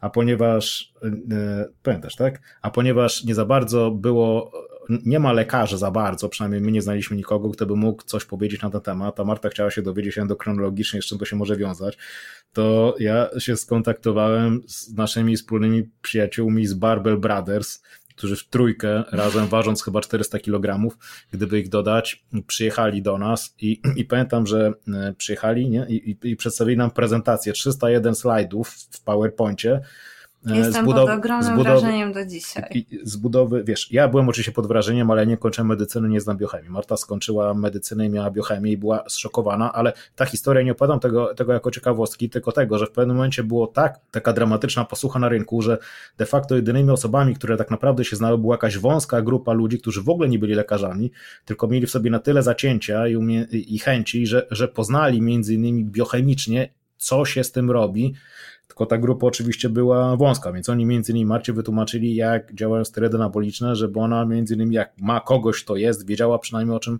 o czym ten ktoś mówi. Tak było kiepsko, że nie było się, nie ma możliwości się zgłosić do profesora endokrynologii, żeby się dowiedzieć, co się robi z pacjentem, który jest na sterydach anabolicznych, bo w momencie, w którym ktoś przychodzi i mówi, że bierze, to po prostu się mówi, no to, to niech pan przestanie brać i to jest tyle i, i, i to jest rozwiązanie.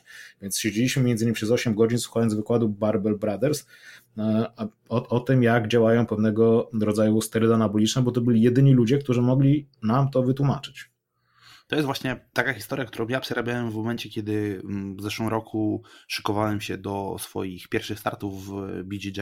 Musiałem iść do lekarza sportowego. No i oczywiście, jak poszedłem do tego lekarza sportowego, no to tam cały wywiad. No i ja u tego lekarza sportowego spędziłem więcej czasu niż u standardowego lekarza rodzinnego przez większość życia, bo akurat mam przyjemność teraz być pod opieką e, przyjaciół moich rodziców, więc te wizyty na ogół trwają dużo, dużo dłużej, ponieważ tam jakby wiadomo, jak to wygląda.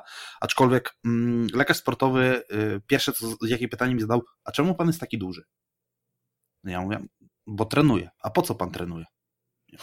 no, no bo generalnie chciałbym zachować jakąś tam szeroko pojętą sprawność, tak? Mhm. A po co pan jedzie na zawody? A co pan bierze? No ja tak już siedzę i mówię tak, moje pierwsze pytanie było takie, ale pyta pan o suplementy, czy pyta pan o sterydy? On mówi, nie, nie, nie, o suplementy, bo sterydów pan raczej nie bierze. No i oczywiście mówię, no nie chciałem go wyciągać z błędu. Mówię, nie, nie, oczywiście nie, nie, nie biorę, bo oczywiście jakby od tego zależała moja opcja wyjazdu na zawody, bądź braku pozwolenia na wyjazd na zawody. No i w moment, w którym on pytał, dobra, to jakie suplementy pan bierze? Ja mówię, kreatynę, ale po co pan bierze kreatynę? Tak? Lekarz sportowy. No i to jest właśnie taka analogia tego, że mm, ja mam wrażenie, że wielu, wielu specjalistów z danej dziedziny realnie niekoniecznie odnajduje się w tej takiej nowoczesnej rzeczywistości, tak? Bo mówmy się, że w momencie, kiedy pracujemy, e, kiedy ja pracuję, czy kiedy e, wy pracujecie, kiedy Rafał pracuje z zawodnikami z tego top of the top, czyli z poziomu olimpijskiego, to tam suplementacja, już ta podstawowa, abstrahując od, od tych wszystkich rzeczy, które gdzieś się tam pojawiają w kontekście dopingu, a e, no, no my wiemy chociażby po tej wpadce Rosjan na Igrzyskach Zimowych, że ten doping w sporcie e, top of the top jest obecny i prawdopodobnie będzie obecny, e, no to bardzo często te takie podstawy świadczą o być albo nie być. I teraz moje pytanie jest takie bardzo otwarte i to nawet nie jest pytanie, co bardziej stwierdzenie, że brakuje nam dobrych specjalistów w kontekście jakiejś tam konkretnej dziedziny i pracy z konkretnym przypadkiem. I dlatego mnie tak bardzo cieszy to, że mamy w końcu E, czy ja mam kogoś, do kogo będę mógł odsyłać takich pacjentów, bo ich jest multum, bo ludzi z problemem, mężczyzn z problemem poziomu testosteronu, z zaburzeniami testosteronu jest wysyp. Jest tego tak dużo, że realnie czasami ja wolę zdecydowanie powiedzieć, że lepiej zgłosić się do specjalisty i wydać pieniądze na badania i na konsultacje z andrologiem, niżeli inwestować to bez sensu w suplementację ziołami, bo to, co osiągniemy poprzez zastosowanie adaptogenów, w żaden sposób nie będzie podchodziło pod efekt, który dostaniemy poprzez zastosowanie TRT. I to jest ta rozmowa, którą ja odbyłem z Tobą, e, Rafał, na samym początku naszej znajomości, gdzie Ty mnie zapytałeś wprost o zioła, które będą wpływały na poziom e, testosteronu, mhm. a ja jakby już byłem po rozmowie z Koczwarą, bo to było po ich, wizy- po ich wizycie u Was w Warszawie mhm. e, i e, chyba, chyba sam Kamil Ci powiedział, że żebyś, jeżeli chodzi o TRT, to żebyś porozmawiał ze mną. Mhm. E, I ja od razu ci napisałem, wysłuchaj, no, przez zastosowanie ziół to tam osiągniemy jakieś x, y, z, natomiast no, ja uważam, że, że to, co chcesz osiągnąć, czy te elementy, o które ty mnie pytasz, to jest tylko i wyłącznie TRT, bo to bez sensu jest się bawić w jakiekolwiek półśrodki na ten moment. I to jest ten moment, kiedy Zen Jaskiniowca zachowuje się grzecznie w domu, bo jest zależny od recept. Znaczy, ja, ja, ja, tylko, ja, tylko, ja tylko powoli no, wy, wytłumaczę może telewidzom e, e, o, o, co chodzi, bo my w pewnym momencie właśnie z Markiem i z Barbelsami pracowaliśmy nad tym, żeby mi podkręcić poziom testosteronu za pomocą suplementacji ziołowej. I to się po części udało, znaczy po części, dlatego że my faktycznie podkręciliśmy e, mój poziom, jeżeli chodzi o testosteron całkowity. Natomiast proporcjonalnie wolnego, czyli tego, które tak naprawdę się liczy, e, nie podkręciliśmy. Czyli jakby mechanizmy już były e, tak, e, tak broniły, że owszem, teoretycznie na papierze, jeżeli patrzeć na poziom całkowitego, to wyglądało dużo lepiej, natomiast ten, który jest aktywny i dostępny, czyli wolny, tak naprawdę było go jeszcze mniej, dlatego wtedy między innymi 1 października 2019 zdecydowałem się wejść na TRT po próbach e, załatwienia tego, że tak powiem, w sposób naturalny, bo u mnie to akurat nie wyszło, ale też nie było szczególnie zaskakujące, zważywszy na to, jak ja mam bardzo samobójczy sposób trenowania i tak dalej. Gdzie to, no odżywianie wtedy już też. Już teraz już dobrze jest, tak, bo jest Marek. Gdzie, no. gdzie, gdzie, to, gdzie, to, gdzie to wtedy powiedzmy ciągle jechałem na rezerwie i, i, i po bandzie. No to jest właśnie ten, ten moment, w którym bardzo często pojawia się e, krótkie pytanie, e, czyli w co warto, zresztą to sam powiedziałeś na samym początku, w co warto zainwestować, żeby dostać jak największy zwrot. No i jakby największą dźwignię dostaniemy w pewnych, e, w pewnych przypadkach poprzez wprowadzenie TRT, bo e, bawienie się w półśrodki często jest fajne, bo jest półśrodkiem, ale no, półśrodki nie zawsze prowadzą do celu. Tak? I mm, ja zdecydowanie wolę w takich wypadkach skierować daną osobę do tego, żeby pracowała ze specjalistą właśnie jak Marta, niżeli pracować na czymś, co nie będzie satysfakcjonujące dla żadnej ze stron. E, dobra, e, Marta, to tak, mamy takiego pacjenta, on sobie wypełnił ten kwestionariusz Adam, e, on się zgłosił, no i realnie mamy potrzebę wprowadzenia go na, e, na TRT, tak? I teraz jak ty mhm. z takim pacjentem się obchodzisz? W sensie, wiesz, mi nie chodzi o to, żebyś ty podawała gotowy przepis na TRT, bo znając, e, znając ludzi, ogólnie mentalność, to zaraz będzie ok, mamy gotową receptę, jedziemy, bo to na pewno działa, ale jako taki, e, wiesz, podstawowy, podstawowy protokół, taki podstawowy know-how, jeżeli chodzi o taką pracę, czyli żeby osoby, które będą chciały z tobą pracować, odsłuchując to, o czym my rozmawiamy, wiedziały, aha, czyli mniej więcej będzie wyglądało to w taki sposób, no, czyli ja chcę z nią pracować, bo wiem, że jestem na to gotów na przykład. Początek jest taki, że pacjenci czasami mnie pytają, jaki jest szablon badań, jakie badania mogą zrobić przed konsultacją, żeby jakby przyspieszyć ten proces, tak? Ja tu przerwę Ale... od razu. Podasz nam mhm. listę badań, żeby wy sobie mogli tam wypunktować, wykartkować i już na przykład chcąc zgłosić się do ciebie przez projekt Alfa e, mogli mieć gotową listę badań. Na co ty naciskasz, żeby się pojawiło na pierwszej wizycie? E, no właśnie dokończę tylko myśl, tylko nie ma takiego szablonu. Ja oczywiście mogę podać e, badania, które najczęściej się powtarzają, natomiast no, ten pacjent przychodzi do mnie z szeregiem różnych dolegliwości, z różnymi obciążeniami, uczuleniami, e, chorobami współistniejącymi, lekami, które przyjmuje i w zależności od tego, jakie on objawy zgłasza, jakie leki przyjmuje, no ten panel badań jest skrojony tak naprawdę na jego miarę. I stworzenie takiego szablonu, który powie, że proszę zrobić te badania i już na podstawie tych badań zdecydujemy o wdrożeniu terapii czy nie, no to kończy się zwykle tym, że i tak dorabiamy jakieś badania na, podczas kolejnej wizyty. Więc y, oczywiście ja, ja taki szablon przekażę, natomiast natomiast tak naprawdę najlepiej by było umówić się na konsultację, na której omówimy to wszystko. Ja wtedy zlecę szablon badań który będzie dostosowany do tego pacjenta konkretnego i konkretne zalecenia będzie miał ten pacjent, a później już na kolejnej wizycie, kiedy zobaczę te wyniki badań, to będziemy mogli podejmować dalsze kroki e, do leczenia. No jak, jak pacjent się kwalifikuje do takiej terapii, to tak naprawdę e, ta opieka to nie jest e, opieka tylko od wizyty do wizyty, tylko no, pacjenci mają podane informacje o tym, jak, jakie są objawy tego zbyt wysokiego stężenia estradiolu, który może się zdarzyć w trakcie terapii testosteronem, o czym wy dobrze wiecie.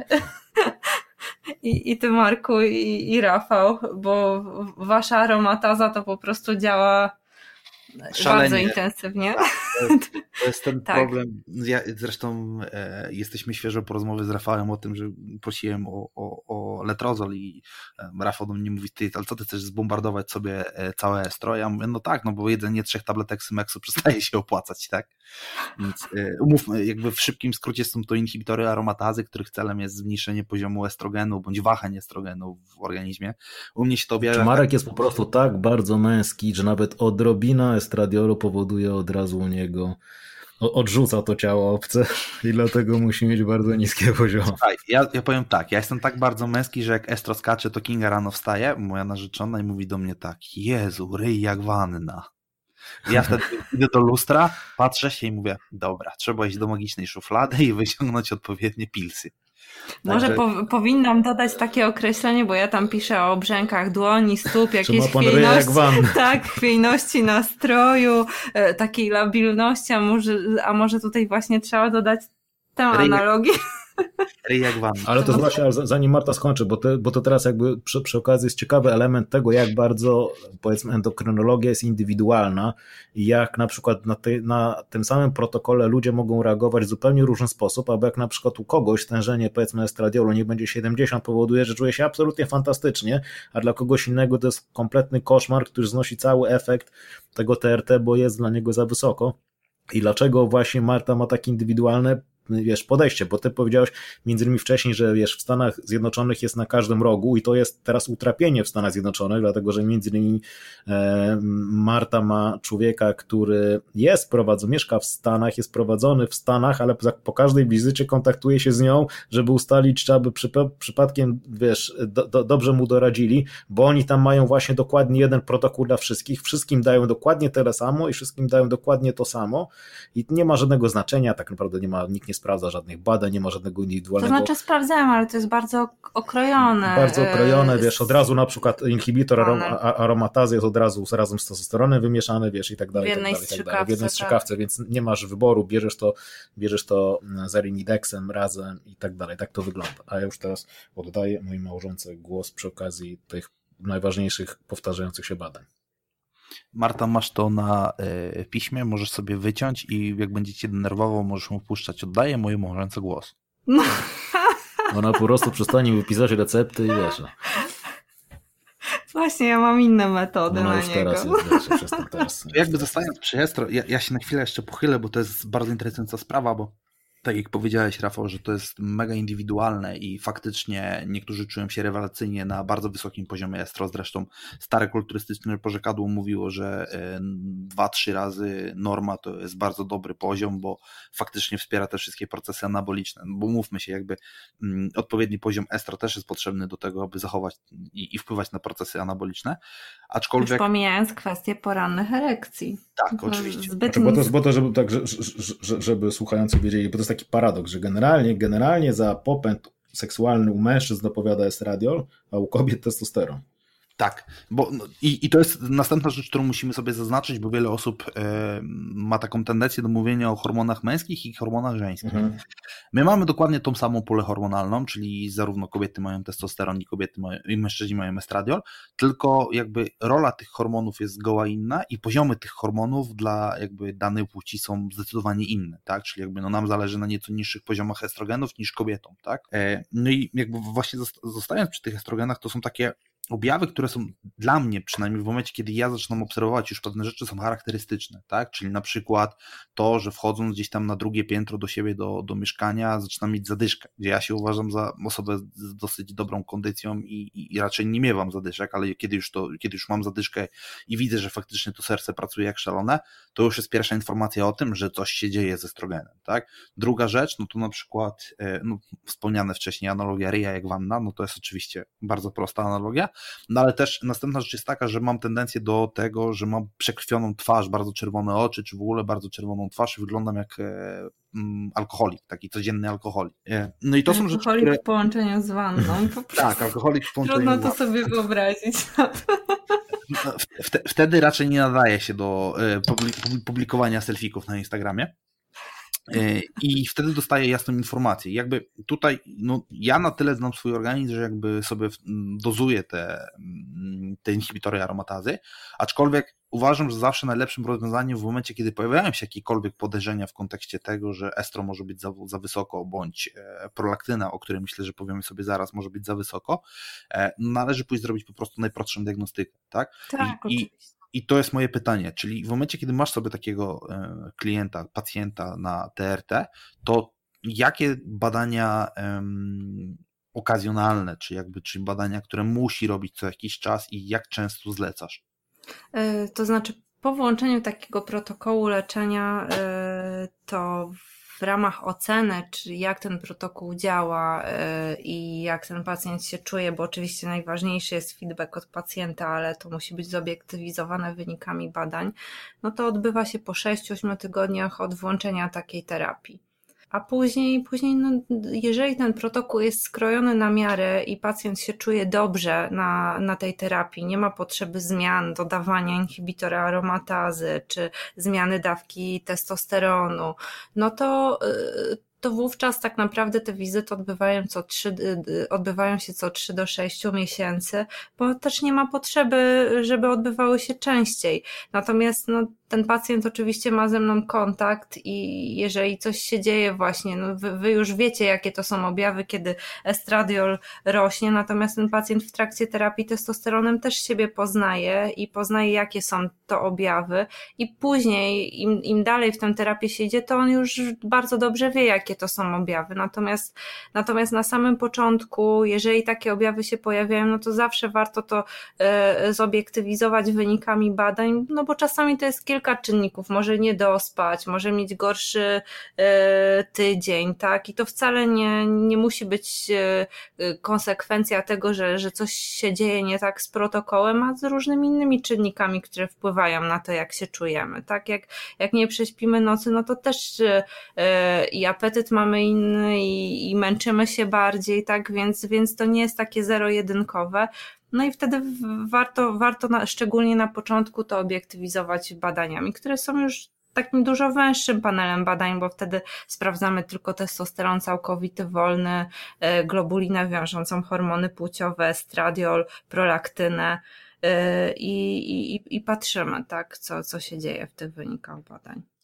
No i właśnie ta magiczna prolaktyna, czyli jakby e, myślę, że hormon, który jest w stanie namieszać dużo więcej niż estrogeny, bo o tyle o ile z estrogenami jesteśmy sobie realnie w stanie poradzić i rzeczami, które się dzieją po e, przekroczeniu pewnego poziomu estrogenu, który jak wiemy no jest in, indywidualny dla każdego e, klienta, czyli dla, dla, dla każdego pacjenta, to mm, co się dzieje w momencie, kiedy mm, dany pacjent zaczyna mieć zbyt wysokie poziomy prolaktyny, czyli tego hormonu, który no, najczęściej jest powiązany z mlekotokiem u kobiet. Oczywiście jakby już zdradzam pierwszy, pierwszy objaw, który się pojawia w momencie zbyt wysokiej prolaktyny, ale czy zdarzyło Ci się realnie, że któryś z Twoich e, pacjentów miał bardzo mocno przekroczony poziom prolaktyny i zaczęły dziać się z nim jakieś dziwne sytuacje? I, i w, w trakcie terapii TRT czy przed włączeniem terapii? W trakcie, jak rozumiem rozumiem, no, tak? Nawet oba. Jeżeli miałeś kogoś ciekawego, u kogo na przykład włączenie TRT uregulowało problemy z prolką, to to już w ogóle jest piękna historia.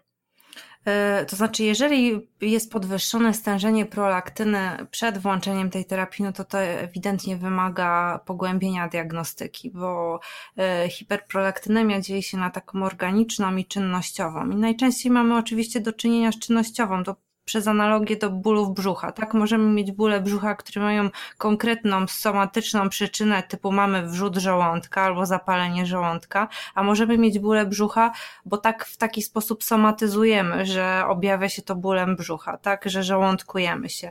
Więc podobnie jest do hiperprolaktynemii. E, hiperprolaktynemia może być organiczna i wynika to na przykład z zmiany w przysadce, która produkuje nadmiar tej prolaktyny, a może być czynnościowa i do czynnościowej, czynnościową powoduje najczęściej nadmiar stresu, z jakim mamy do czynienia, ale też yy, są inne czynniki, które to wyzwalają. Seks, sen, e, stymulacja brodawek słodkowych, tak? I to należy, to należy zobiektywizować takim prostym testem, e, który mm, pokazuje, czy to jest hiperprolaktynemia czynnościowa, czy, czy organiczna. To jest test z metoklopramidem, gdzie połyka się 10, robi się oznaczenie stężenia prolaktyny wyjściowo na czczo, po czym połyka się tam 10 mg e, metoklopramidu tabletkę i ocenia się, jakie jest stężenie po godzinie i po dwóch godzinach od od e, przyjęcia tej tabletki i wzrost e, i krotność wzrostu tej prolaktyny mówi nam o tym, czy to jest rzecz czynnościowa,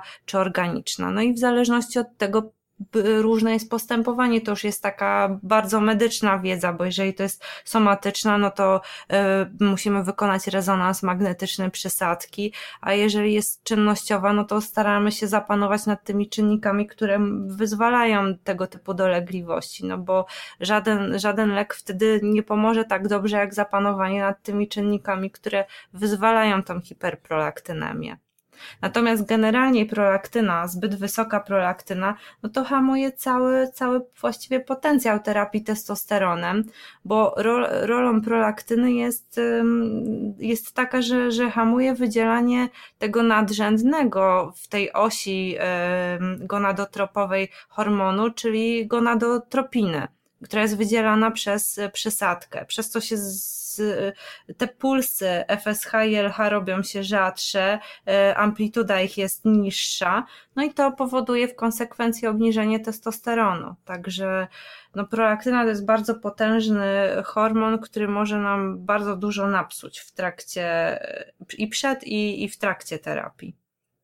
Dlatego tak istotna jest znowu ta obserwacja i ten kontekst e, diagnostyki odpowiedniej w trakcie stosowania TRT. No i tu znowu teraz pozwolę trochę odnieść się do kontekstu e, psychologicznego Terta i mm, znowu odwołać się do pytania, znaczy naszym z pytaniem do e, pana Zaniaskiniowca. E, Rafał, jeżeli mm, miałbyś powiedzieć, na ile procent w kontekście pracy z ludźmi z twojej sfery, czyli z tej sfery high performance, wysoki poziom testosteronu, czy w ogóle zastosowanie TRT może pomóc w osiąganiu celów, to jak myślisz, jaki udział procentowy to by było? Abstrahując od całego mindsetu, tak? czyli zakładając, że ktoś jest realnie poustawiany, poogarniany, aczkolwiek nadal ma problem na przykład z zbyt niskim poziomem testosteronu.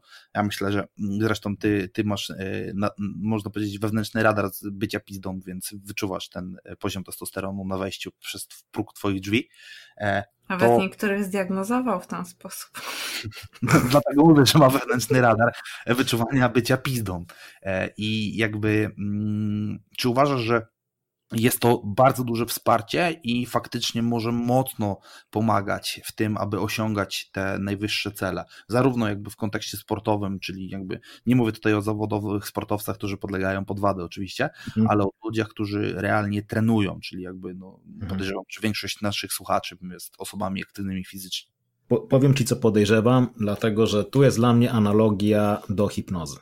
Ponieważ wiesz, testosteron jest hormonem, który my w sobie mamy. Więc w momencie, w którym podajesz hormon, powiedzmy bioidentyczny, prawda, i podnosisz go do poziomów, które są wysokimi, naturalnymi poziomami, to tak na dobrą sprawę to mi przypomina właśnie dokładnie sytuację z hipnozą. I wiele osób w momencie, w którym wiesz, podda się e, jej hipnozie, wprowadzi się w stan transu i poda się jakiegoś rodzaju nam instrukcję, czy jakbyśmy tego nie nazwali, sugestię hipnotyczną, to potem, e, wiesz, masz wrażenie zmiany, która jest całkowicie naturalna, także na dobrą sprawę często to środowisko zauważa tą zmianę, natomiast ponieważ ona zaszła od środka, to my jej często nie czujemy.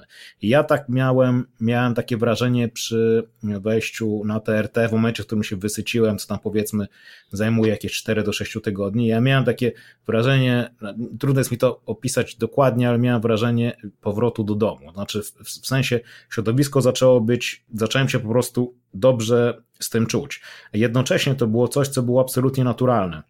Wiesz, to nie jest sytuacja, gdzie wprowadzasz do organizmu jakąś substancję obcą i to jest jak, jakaś forma, nie wiem, odurzenia. Wiesz, ja, ja, ja, nie brałem kokainy, ale powiedzmy, domyślałem się, że to jest jakiś bardzo silny stan, który nie jest naturalny. Jakby cały urok polega na, u, u niego w, w, tym stanie na tym, że on nie jest naturalny i wprowadza się w jakiś tam rodzaj euforii, tam zwiększonej koncentracji i tak dalej. Natomiast tutaj e, i zarówno jako osoba, która korzystała e, z hipnoterapii i sama jej używa, jak i osoba, która korzysta z testosteronu, ja tu widzę tą analogię. Czyli ja podejrzewam, że e, ten wpływ może być bardzo duży, natomiast przez to, że to jest coś, co już jest w nas i jest naturalne i zabiera cię do poziomów naturalnych, wysokich, ale naturalnych, podobnie jak hipnoza, po prostu jakiś niedziałający czy źle działający mechanizm zabieramy i w to miejsce podstawiamy e, mechanizm e, działający, sprawia, że ty nie masz, wiesz, wrażenia, że potrzebujesz siłę woli, potrzebujesz się napinać i żyłka pierdząca ci pęka, tylko masz po prostu wrażenie tego, że ta zmiana zachodzi do pewnego stopnia od środka, ona jest całkowicie łagodna i znaczy łagodna w sensie działania i często osoby z zewnątrz zauważają, to słuchaj, ale ty wiesz, wiesz, że się zmieniłeś, albo wiesz, że zaczynasz robić inne rzeczy, albo wiesz, że pracujesz więcej. U mnie to się między innymi, wiesz, zaczęło objawiać tym, zresztą wiesz, bo przecież monitorujesz moje treningi, teraz jeszcze dodatkowo Kądziu, czyli Pączek, e, doszedł od tego tematu, e, że ja powiedzmy, jak przedtem zajeżdżałem się godzinnym treningiem, to potem zacząłem się zajeżdżać dwugodzinnym treningiem. Nie? Czyli byłem tak samo zajechany pod koniec dnia, natomiast zrobiłem dwa razy więcej. Więc nie mam wątpliwości, że to wpłynie w pozytywny sposób na jakieś 95% e, facetów, Natomiast też oczywiście znowu, wiesz, tak jak są outlierzy, którzy są, wiesz, reagują wybitnie na jakieś, nie wiem, super małe ilości, to też są z kolei ludzie, którzy potrafią mieć jakieś, nie wiem, dziwne, wiesz, zmiany czy niepokoje nawet przy poziomach tam, nie wiem, 600, 700 czy 800. Jak sobie oglądaliśmy badania, czy czytaliśmy w internecie, są ludzie, którzy mają jakieś ataki paniki i tak dalej, tak dalej. No więc to też się może zdarzyć ale... Mm, Aczkolwiek w mojej obserwacji nie miałam nie, nigdy takiego ty, pacjenta, więc... Ja też, znaczy ja nie słyszałem osobiście o nikim, natomiast jakby no są jakieś informacje, że wiesz, no wiadomo, że w momencie, w którym jakąś, jakąś dużą próbę tam miliona osób, to tam się trafią ludzie, którym, którym się, zresztą też cholera wie co brali, wiesz, bo to w momencie, w którym bierzesz testosteron apteczny, to wiesz co bierzesz. W momencie, w którym kupujesz to od kolegi na siłowni, to nie wiesz co, no, ale co badania kupujesz. nie są chyba robione na grupie pacjentów, ale, którzy ale, nie biorą ale, ale na przykład, ale, ale, na przykład na, ale na przykład na forach y, udzielają się ludzie, którzy nie wiadomo y, co biorą, prawda? No, zgadza się. Więc, więc, jak z tymi dopalaczami. No dokładnie. Więc e, ja nie zauważyłem nikogo, kto funkcjonuje gorzej. tak bym powiedział. Tak bym powiedział tu jest właśnie ta e, bardzo ciekawa sfera, bo mm, jak sobie popatrzymy na korelację pomiędzy dopaminem a testosteronem i prolaktyną, bo to jest taka święta trójca w tym wypadku, to realnie im więcej dopaminy, tym automatycznie więcej testosteronu, zarówno w drugą stronę, im więcej testosteronu, tym więcej dopaminy. E, no i oczywiście mm, tutaj jest ta korelacja, że wtedy mamy coraz mniejszy poziom prolaktyny, tak? E, no też, też nie mówię o tym, żeby ta prolaktyna gdzieś tam spadała sobie do poziomu 0,0, bo to się może mm, wielorako odbijać na funkcjach seksualnych, aczkolwiek to połączenie pomiędzy testosteronem a dopaminą jest olbrzymie. I teraz e, znowu, czyli to takie magiczne zdanie to be driven, tak? czyli ten taki wewnętrzny nakręt, bardzo mocno zależy właśnie od poziomów dopaminy, czyli od tego neuroprzekaźnika, który e, bezpośrednio wpływa na nasze chce mi się, chcę zrobić, chcę osiągnąć, chcę zdobyć, e, albo nawet muszę zdobyć, czyli te wszystkie e, charakterystyki dopaminowe. Zresztą dla mnie takim taką piękną osobowością dopaminową zdecydowanie jest Dan Bilzerian, no bo to jest człowiek, który tam dopaminą to aż tryska, ale to, co jest zabawne, to realnie poprzez swoje zachowania, co ty mi wypunktowałeś, e, kompletnie tego nie pokazuje. Czyli jakby to nie jest człowiek, który jest typowym dopaminowcem, którego jest dużo wszędzie, który e, ciągle wykazuje jakiś ruch i, i tak dalej, natomiast to jest osoba, która jest zajebiście energooszczędna, tak? Czyli ta opcja, e, którą ty nazwałeś ładnie zwolnij ze wszystkim, a jeżeli popatrzymy na czynności, które on uprawia, czyli tam jeżdżenie e, bagi po pustyni, strzelanie z bazuki i otaczanie się ciągle e, setkami modelek, no to dokładnie, no to jest charakter typowo dopaminowy, który realnie mhm. jest, no jeżeli popatrzymy na niego, no to abstrahując od tego, że nie zachowuje się jak typowy, tu, tutaj może inaczej. Wiecie, kto bardziej by mi przypominał właśnie takiego typowego dopaminowca, który bardziej pokazuje mi kogoś, kto jest na TRT niż grubej bombie. Mm, Terry Crews. Nie, no właśnie Dan Penia po części, aczkolwiek Dan Penia nie wygląda na kogoś na On TRT. chyba ma za wysokie estro. Dan Penia ma za wysokie wszystko. O, tak, z y, naciskiem na ego. Estro, ego. Tarpenio nie ma ego, ego ma na penie. I Terry Crews, nie wiem czy kojarzycie tego amerykańskiego nie. aktora. Nie. E, tak, kurczę, pamiętacie kiedyś był taki film, on się nazywał Dwie białe laski, Two White Chicks. Nie. Nie oglądamy tego typu filmów, Fisiu. Dobra, a... E... Okej. Okay. Bo oglądamy z kolorowymi. Czy pamiętacie mm, ten film, mm, zresztą myślę, że na pewno go widzieliście, Niezniszczalny ze Syl Sylwestrem Stallonem, wszystkie trzy części.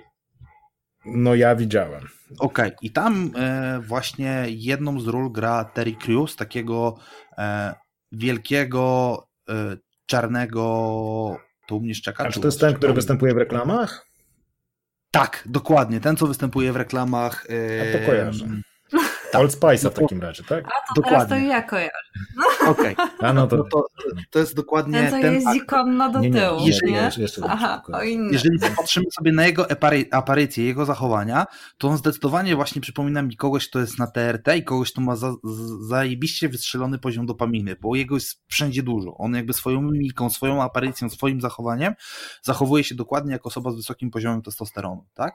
Gdzie Bilzerian jest dokładnie odwrotnością tego, tak? On jest kompletny, właśnie, może, może właśnie tutaj jest ta różnica, o której ja mówiłem, ten kompletny spokój. Mimo wszystkiego, co robi e, i ta zimna twarz stojąc z mm, amerykańskim karabinem M4A1, tak? Mhm. I strzelając, gdzie on zachowuje twarz po prostu e, cold face killer. To... A czy to jest, wiesz, to jest w ogóle ciekawy element, bo często osoby myślą, że albo mają nadzieję, albo się tego boją, że jak wejdą na TRT, to przestaną być sobą, nie? Wiesz, nagle będziesz mieć, wiesz, nie wiem, po prostu popęd taki, że skończysz potem w więzieniu, albo, albo nagle całkowicie, albo będą. zmieni się twoja osobowość, typu, że wiesz, z kogoś to jest bardzo spokojny, introwertyczny, zrobisz się, wiesz, agresywnym, ekstrawertycznym, to się nie wydarzy. Nie? Ja mówię, to cię po prostu zabiera do lepszego miejsca, ale nie przestajesz, nie przestajesz być sobą. Ja nie zacząłem być bardziej ekstrawertyczny ja zdecydowanie to, co ja odczuwam, to jest ten element wewnętrznego spokoju i zupełną odwrotność tego, o czym mówią wszyscy, że ty na testosteronie robisz się agresywny.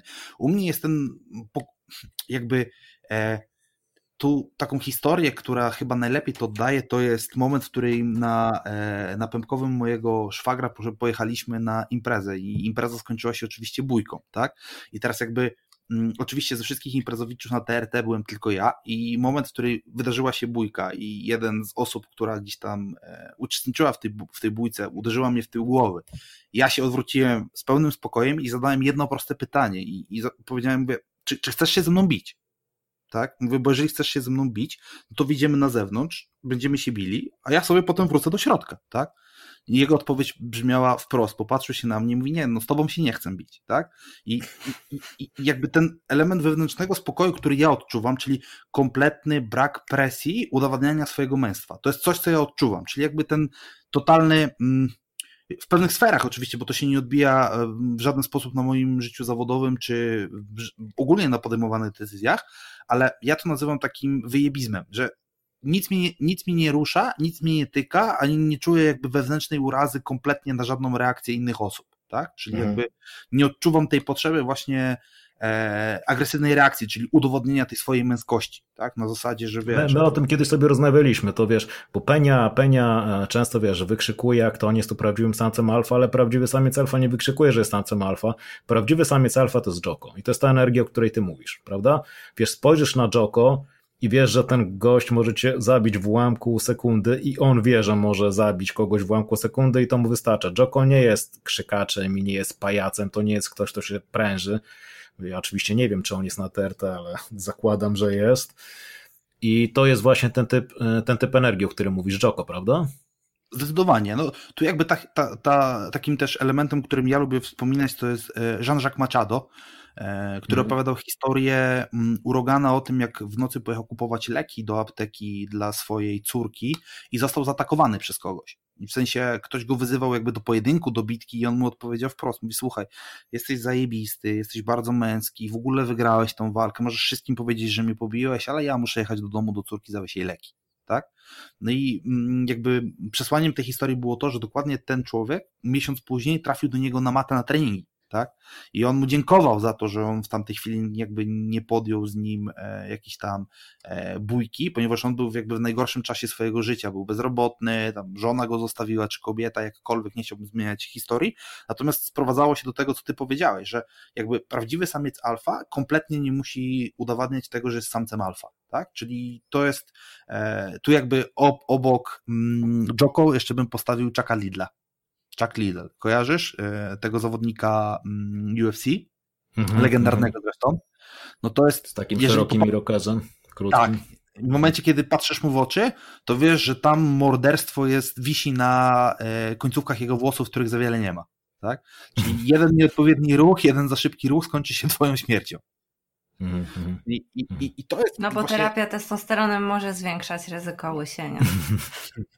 E, nie, to, jest, to są e, plotki. Ja tego nie potwierdzam. Moja czupryna jest bujna jak była. Nawet Trzeba mieć fryzjer... predyspozycję.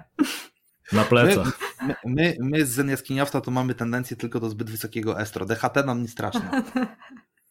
My nie mamy zbyt wysokiego estro, tylko po prostu jesteśmy bardzo, bardzo, bardzo męscy i ta odrobina estro nam bruździ. E, I, I, właśnie to mnie tak zastanawia w kontekście tego mentalu ATRT, bo mm, same właściwości prozdrowotne w ogóle nie zostawiają e, żadnych wątpliwości.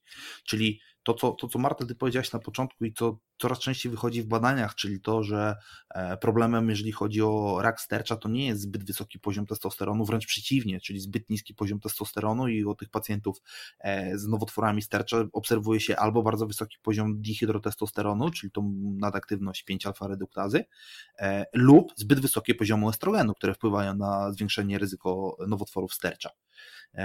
I mm, czy, czy właśnie ten kontekst chorób metabolicznych, które obserwujemy, gdzie zbyt niski poziom testosteronu wspiera tendencję do mm, noszenia nadmiernej ilości tkanki tłuszczowej visceralnej, czy ogólnie tkanki tłuszczowej i zmniejszenia udziału masy mięśniowej?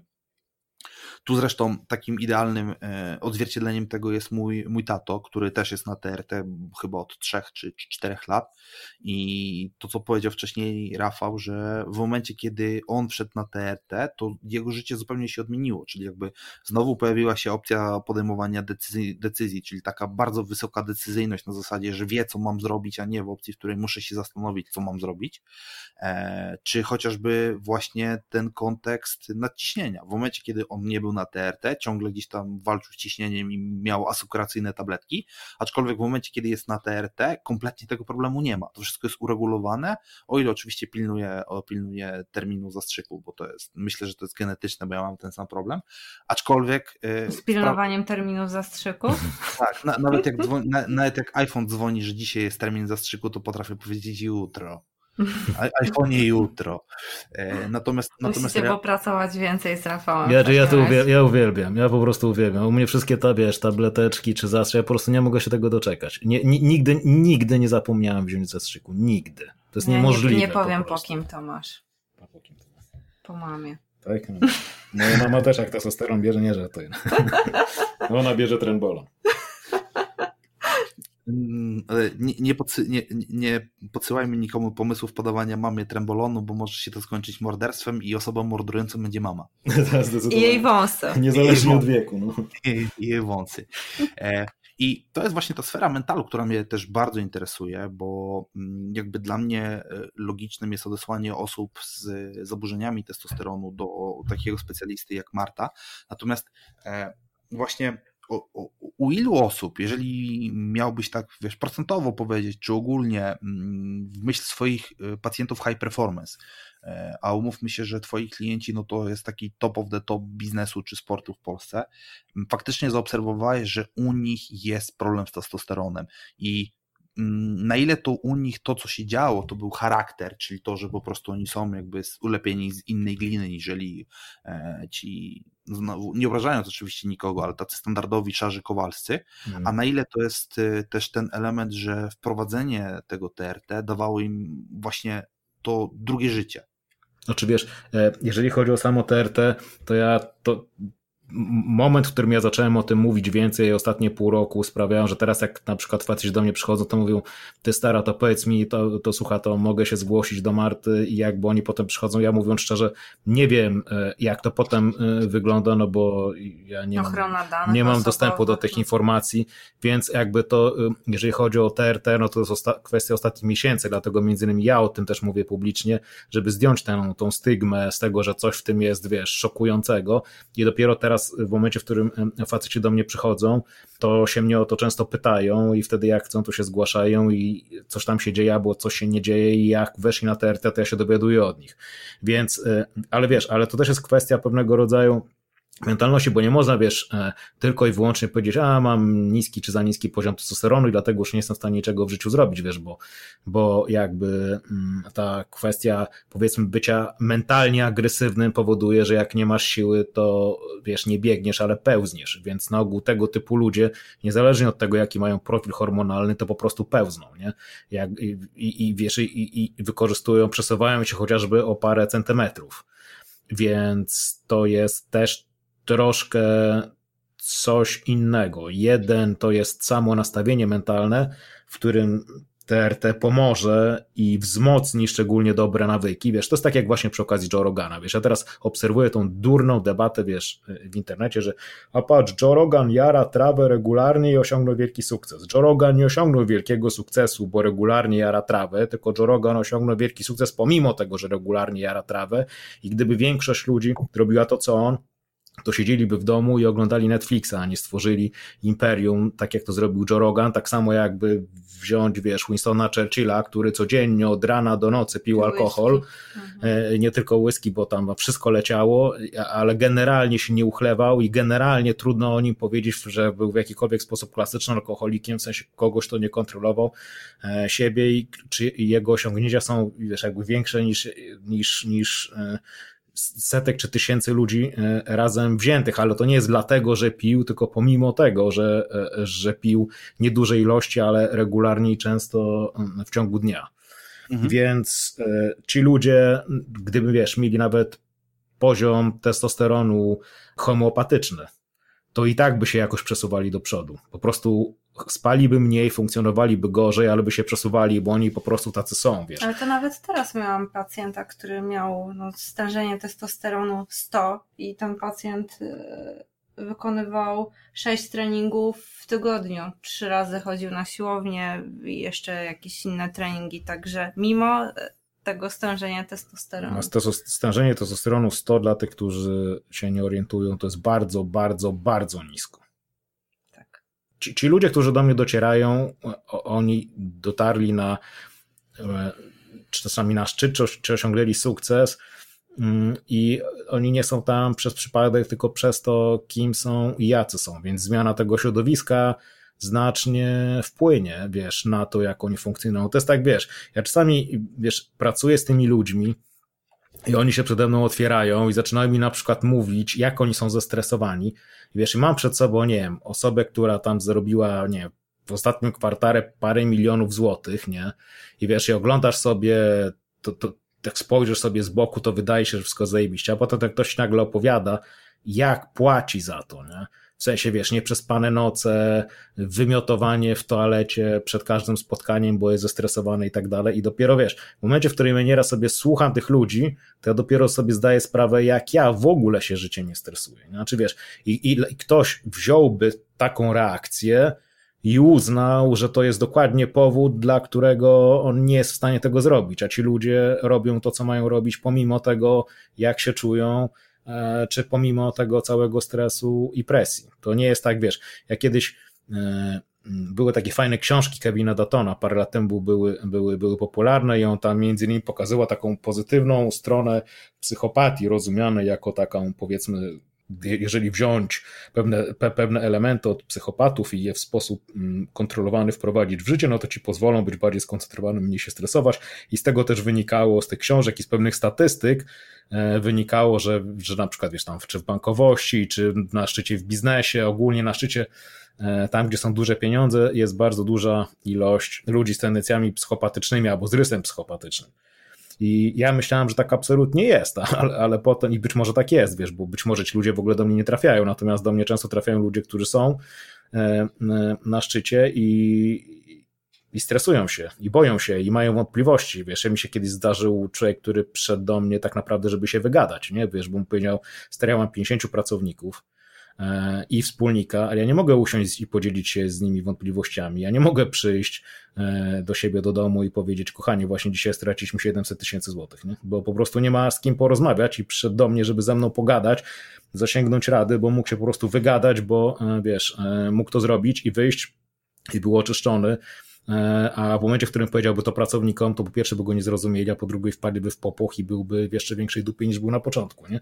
Więc ci ludzie po prostu i tak się będą przesuwali, i tak się będą przesuwali. Jeżeli wejdą na TRT, bo im medycznie można im to umożliwić, jeżeli mają wskazania, to będą na pewno w lepszym miejscu i jakby odpali się pod nimi ogień. Natomiast wiesz, no, e, jeżeli nawet nie wejdą, a większość z nich e, z tymi, z którymi pracowałem przez ostatnie lata, nie wchodziła, no bo jakby ja, nie, ja, ja nawet nie było takiej możliwości, to, to będą po prostu dalej robili swoje, niezależnie od tego, jakie mają poziomy. To jest właśnie ciekawe, bo faktycznie, jeżeli sobie popatrzymy na tych top of the top, to tak jak mówisz, oni po prostu robią swoje. Zresztą to jest to, gdzie ja dostaję multum pytań o to, jak w kontekście e, ilości rzeczy, którymi się gdzieś tam zajmuję, czyli czy to praca z podopiecznymi klientami, czy prowadzenie podcastu, czy nagrywanie programów i tak dalej, i tak dalej. No zawsze odpowiadam w prosty sposób. No A, pracuję z Rafałem, czyli jakby top of the top w kontekście mindsetu, no ale B, robię swoje tak? Ja, ja rozumiem, że muszę robić swoje i bez względu na to, czy mam na to chęć, czy na to chęci nie mam. Dzisiaj jest niedziela, nagrywamy to między 14 a, godziną 16, na dworze jest 28 stopni i każdy z nas mógłby leżeć nad jeziorem i e, wywalić kolokwialne jaja i opalać się. Marta, no wybacz, ja nie, nie mogę. mam być, jaj. Przynajmniej e, tak fizycznie, bo e, mentalnie to może... Ewentualnie moglibyście jechać do Zgorzelca, zaciągnąłbym was do robót fizycznych przy, przy pewnym lokalu, w którym nieco później. E, natomiast no, po prostu robimy swoje. Aczkolwiek znowu ja to odwołam do mnie czy, czy do mojego taty, że realnie my, czyli ja trochę powiem tu w imieniu swojego taty, może on, on tego nie odczuwa, tak jak mówisz, może dla niego stało się to po prostu w pewnym sensie normalne, ale ja uważam, że zastosowanie TRT dało mi to, że nie tylko muszę, ale i chcę robić. Czyli jest ta, mhm. dla mnie to jest ta, ta dramatyczna różnica i ten dramatyczny przeskok pomiędzy tym, że wstaję rano i wiem, że muszę, czyli czy wstaję rano i wiem, że muszę iść na trening, bo, bo po prostu tak, tak, bo muszę jakby i, i się ruszać w kontekście zdrowia i w kontekście szeroko pojętej formy i tak dalej, ale realnie wstaję rano i po prostu chcę to zrobić, tak, czyli to jakby... To jest znamienna różnica. I, i, to jest to połączenie, które dla mnie robi, yy, które jest tym game changerem, tak? Czyli nie tam przerzucenie się na warzywa, ale przejście na odpowiednio zaprojektowane TRT w pewnych wypadkach. Dla mnie jest tym game changerem, że rano się budzę i mówię, dobra, dzisiaj mam faktycznie ochotę iść zrobić trening, co się powtarza na 6 na 7 dni, tak, że budzę się rano i chcę zrobić ten trening. Czy chcę nagrać ten podcast dzisiaj z wami, czy chcę zrobić coś, tak? A czego jakby, bo, bo ta historia mojego powrotu do TRT, nie wiem, czy w ogóle jest wam znana, czy ja wam opowiadałem, jaki był powód mojego powrotu do TRT, bo Chyba nie. E, u, u, nas ta historia, moja historia w ogóle z testosteronem jest dosyć zabawna, bo podobnie jak Rafał, ja w ogóle na testosteron wpadłem przez e, braci sztangi. Pojechałem ich odwiedzić do e, Poznania. Zresztą ja poznałem Koczwarę w najbardziej e, spektakularnych okolicznościach na świecie. To znaczy, że gdzieś tam dawno temu była taka grupa o żarciu i wsparciu. To chyba był lata 2016 czy 2015 nawet, gdzie mm, dosyć aktywnie udzielałem porad ludziom w kontekście żywienia, diagnostyki i tak dalej, i tak dalej, kiedy jeszcze gdzieś tam pracowałem na, na nieco niższym poziomie. E, I Koczwara do mnie wysłał mi zaproszenie na, na Facebooku oczywiście. Ja je przyjąłem, on do mnie napisał tak. Cześć, ty mądry jesteś, od dzisiaj jesteśmy kolegami. No homo. Ach, to pamiętam. To jest, to, jest moja, to jest, moja, historia zapoznania się z Kamilem Koczwarem, no i ta przyjaźń trwa, trwa dzisiaj. E, no i oczywiście gdzieś tam później było jakieś szkolenie w Poznaniu, ja przyjechałem przy okazji odwiedzić ich jakby już pierwszy raz osobiście, no i tak siedzimy, rozmawiamy, rozmawiamy i Wiking do mnie mówi tak, mówi ty, Fischer, czemu ty nie jesteś na bombie? Ja tak patrzyłem się na Wikinga i mówię, bo nie wiem, no generalnie jakoś tam nigdy nie odczuwałem potrzeby bycia na bombie. Okej, okay, to dzisiaj jesteś na bombie. Poszedł do kuchni, wrócił z um, prolongatą i ze strzykawkami i mówi proszę. A ja mówię, okej, okay, no to dzisiaj jestem na bombie. Także to, to, to, był taki pierwszy dosyć nieudany eksperyment, bo wtedy nikt nie wiedział, że jestem takim aromatyzatorem i jakby ta reakcja może być taka, nie inna. No trwało chyba 3-4 miesiące i potem miałem przerwę dużą od, od, od TRT. Natomiast realnie powrót do TRT wymusił na mnie wypadek, ponieważ miałem sytuację, w której kobieta wjechała mi, wjechała mi dosłownie w dupę i zaparkowała praktycznie na tylnych, tylnych siedzeniach w moim samochodzie i mm, tyle się posypały moje plecy, na tyle posypało się jakby cały kontekst e, pracy pracy, pracy mojego kręgosłupa, że wiedziałem, mm, że bez wsparcia nie będę w stanie się zregenerować tak, jak powinienem. Jeszcze biorąc pod uwagę to, że no to ten tryb mojej pracy jest trybem siedzącym i ta ilość rzeczy, które robię jest dosyć duża, więc po prostu musiałem wrócić do tego TRT. No i dzisiaj mogę powiedzieć, że to chyba jest już ponad półtora roku, kiedy jestem na tym TRT i uważam, że jest to jedna z najlepszych decyzji, jaką przez te półtora roku podjęłem. Abstrahując od e, mm, decyzji poznania pana Zen Jaskiniowca i pani Zen Jaskiniowca oczywiście, bo, bo to jest top, top of the top. E, natomiast ja uważam, że to jest jedna z najlepszych decyzji i myśl, myślę, że jeżeli ktoś, ktoś jest w takiej sytuacji, że realnie odczuwa takie problemy i zastanawia się, czy powinien zgłosić się do specjalisty, to ja z ręką na sercu mówię, że powinien się zgłosić do specjalisty i będą płynęły z tego tylko i wyłącznie same plusy. A tym bardziej, no, że no tak, mar, mar... plusem jest to, że, że można zweryfikować później, kontrolować te działania niepożądane w badaniach e, laboratoryjnych, a, a tak e, no, na takim TRT warunkach warunkach podziemnych. Y, oczywiście tam już świadomość jest naprawdę dużo większa, natomiast no nie jest to tak bezpieczne jak, jak jeśli chodzi o taką medyczną terapię. Wiesz, bo często się ludzie pytają na przykład, jakie są koszty TRT, y, które są niskie stosunkowo, e, znaczy sama, wiesz, sama kwestia zastrzyków, czy ewentualnie żelu, generalnie żele są droższe. Żele są droższe i tak. gorsze według mnie. E, zastrzyków to jest, to jest na początku akurat nieduży koszt. Główne uderzenie, że tak powiem, to jest właśnie monitorowanie i robienie badań po to, żeby dobrać protokół. To jest główny koszt. Nie? Jeżeli się to robi profesjonalnie, to na początku głównym kosztem są koszty badań bo sam testosteron jest tani i strzykawki Ale to też mam pacjentów, którzy to w pewien sposób obchodzą, mając wykupione ubezpieczenia i mając skierowanie od lekarza na te badania, to tak naprawdę odbywa się to w ramach ubezpieczenia e, w takiej czy innej firmie, także to też nie jest, e, tak powiem, warunek konieczny, tak, ponoszenie tych kosztów e, tych badań laboratoryjnych, tylko to trzeba w jakiś inny sposób zorganizować. No tu niestety jest z tymi badaniami jest bardzo duży problem i jest niewielu lekarzy, którzy realnie chcą przepisywać e, badania na NFZ. Jakby nie wiem jak to się odbywa, natomiast plotki mówią o tym, że zabierają wam pieniądze z pewnej puli na pacjenta które realnie są przeznaczone dla lekarzy. No tak to wygląda, że to jest jeden wspólny koszyk, jak, e, jak pieniądze pójdą na badania laboratoryjne, to będzie mniej tych, e, tej puli pieniędzy na inne kwestie, tak to ujmę. Okej. Okay. No. Okay. No i to mnie przeraża, bo mm, wielu ludzi jest źle zdiagnozowanych bądź po prostu niedodiagnozowanych, jeżeli chodzi o jakikolwiek albo, problem. Albo tak jak w moim przypadku, ja jak pracowałam w ramach NFZ-u, to co miesiąc podczas rozliczeń regularnie lądowałam na dywaniku u szefa, e, mając upomnienie, że tych badań zlecam za dużo. Więc to jest taki obosieczny miecz. Czy to też jest między innymi, bo ty się na początku pytałeś o to, jaka jest też geneza projektu i między innymi, wiesz, genezą projektu, wiesz, mi ludzie płacą generalnie za analizowanie ich sytuacji i zrobienie czegoś z tym. Tak naprawdę. I wiesz, ja w momencie, w którym widziałem, w jaki sposób e, pracuje Marta, to wiedziałem, że ona kompletnie, całkowicie i totalnie nie nadaje się do modelu NFZ-owskiego, bo ona jest lekarzem, który potrzebuje mieć bardzo dużo czasu, bardzo indywidualne podejście i sporo badań, żeby nie opierać się jedynie na swoich założeniach. Ale to jest kompletnie odwrotność tego, e, co się sprawdza w tym systemie. Więc dlatego między innymi namawiałem ją do tego, żeby poszła e, w tego typu usługi medyczne, które sprawią, że będzie mogła robić e, tą, że tak powiem, robić medycynę, że tak powiem nieładnie, na swój sposób i bez, w sposób bezkompromisowy, czyli jeżeli potrzeba na wizytę, tam powiedzmy 45 minut czy godzina, to jest godzina na wizytę, jeżeli potrzeba zlecić badań za, nie wiem, 700 zł, to się zleca badania za 700 zł, bo po prostu ci ludzie, którzy się zgłaszają są na tyle świadomi, na tyle zmotywowani i stać ich na to, żeby te pieniądze zainwestować, wydać. nie wydać, zainwestować właśnie. Z, zainwestować. Mm. I dlatego to też między innymi był, był wiesz, Marta na co dzień pracuje w szpitalu. Po prostu jest lekarzem, który dosłownie tak, ratuje. Moje życie jest pełne kontrastów. Dosłownie ratuje życie ludzi w szpitalu od poniedziałku do piątku plus dyżury, więc tam powiedzmy sytuacja, szczególnie teraz covidowa, no jest taka, jaka jest i ten system funkcjonuje tak, jak funkcjonuje i po prostu nie przeskoczymy tego. Wygląda to tak, jak wygląda.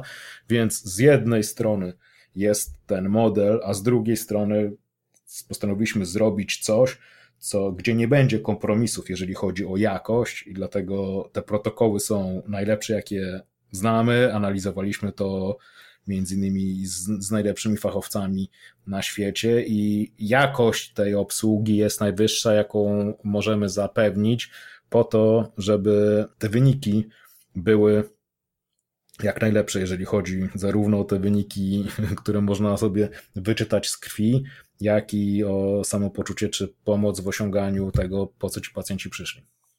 Super. Zatem ja chyba nie mam nic do dodania i bardzo Wam dziękuję za te prawie dwie godziny, które poświęciliście, żebyśmy przygotowali ten podcast. Wszystkich zainteresowanych. My również dziękujemy. Jesteśmy zaszczyceni.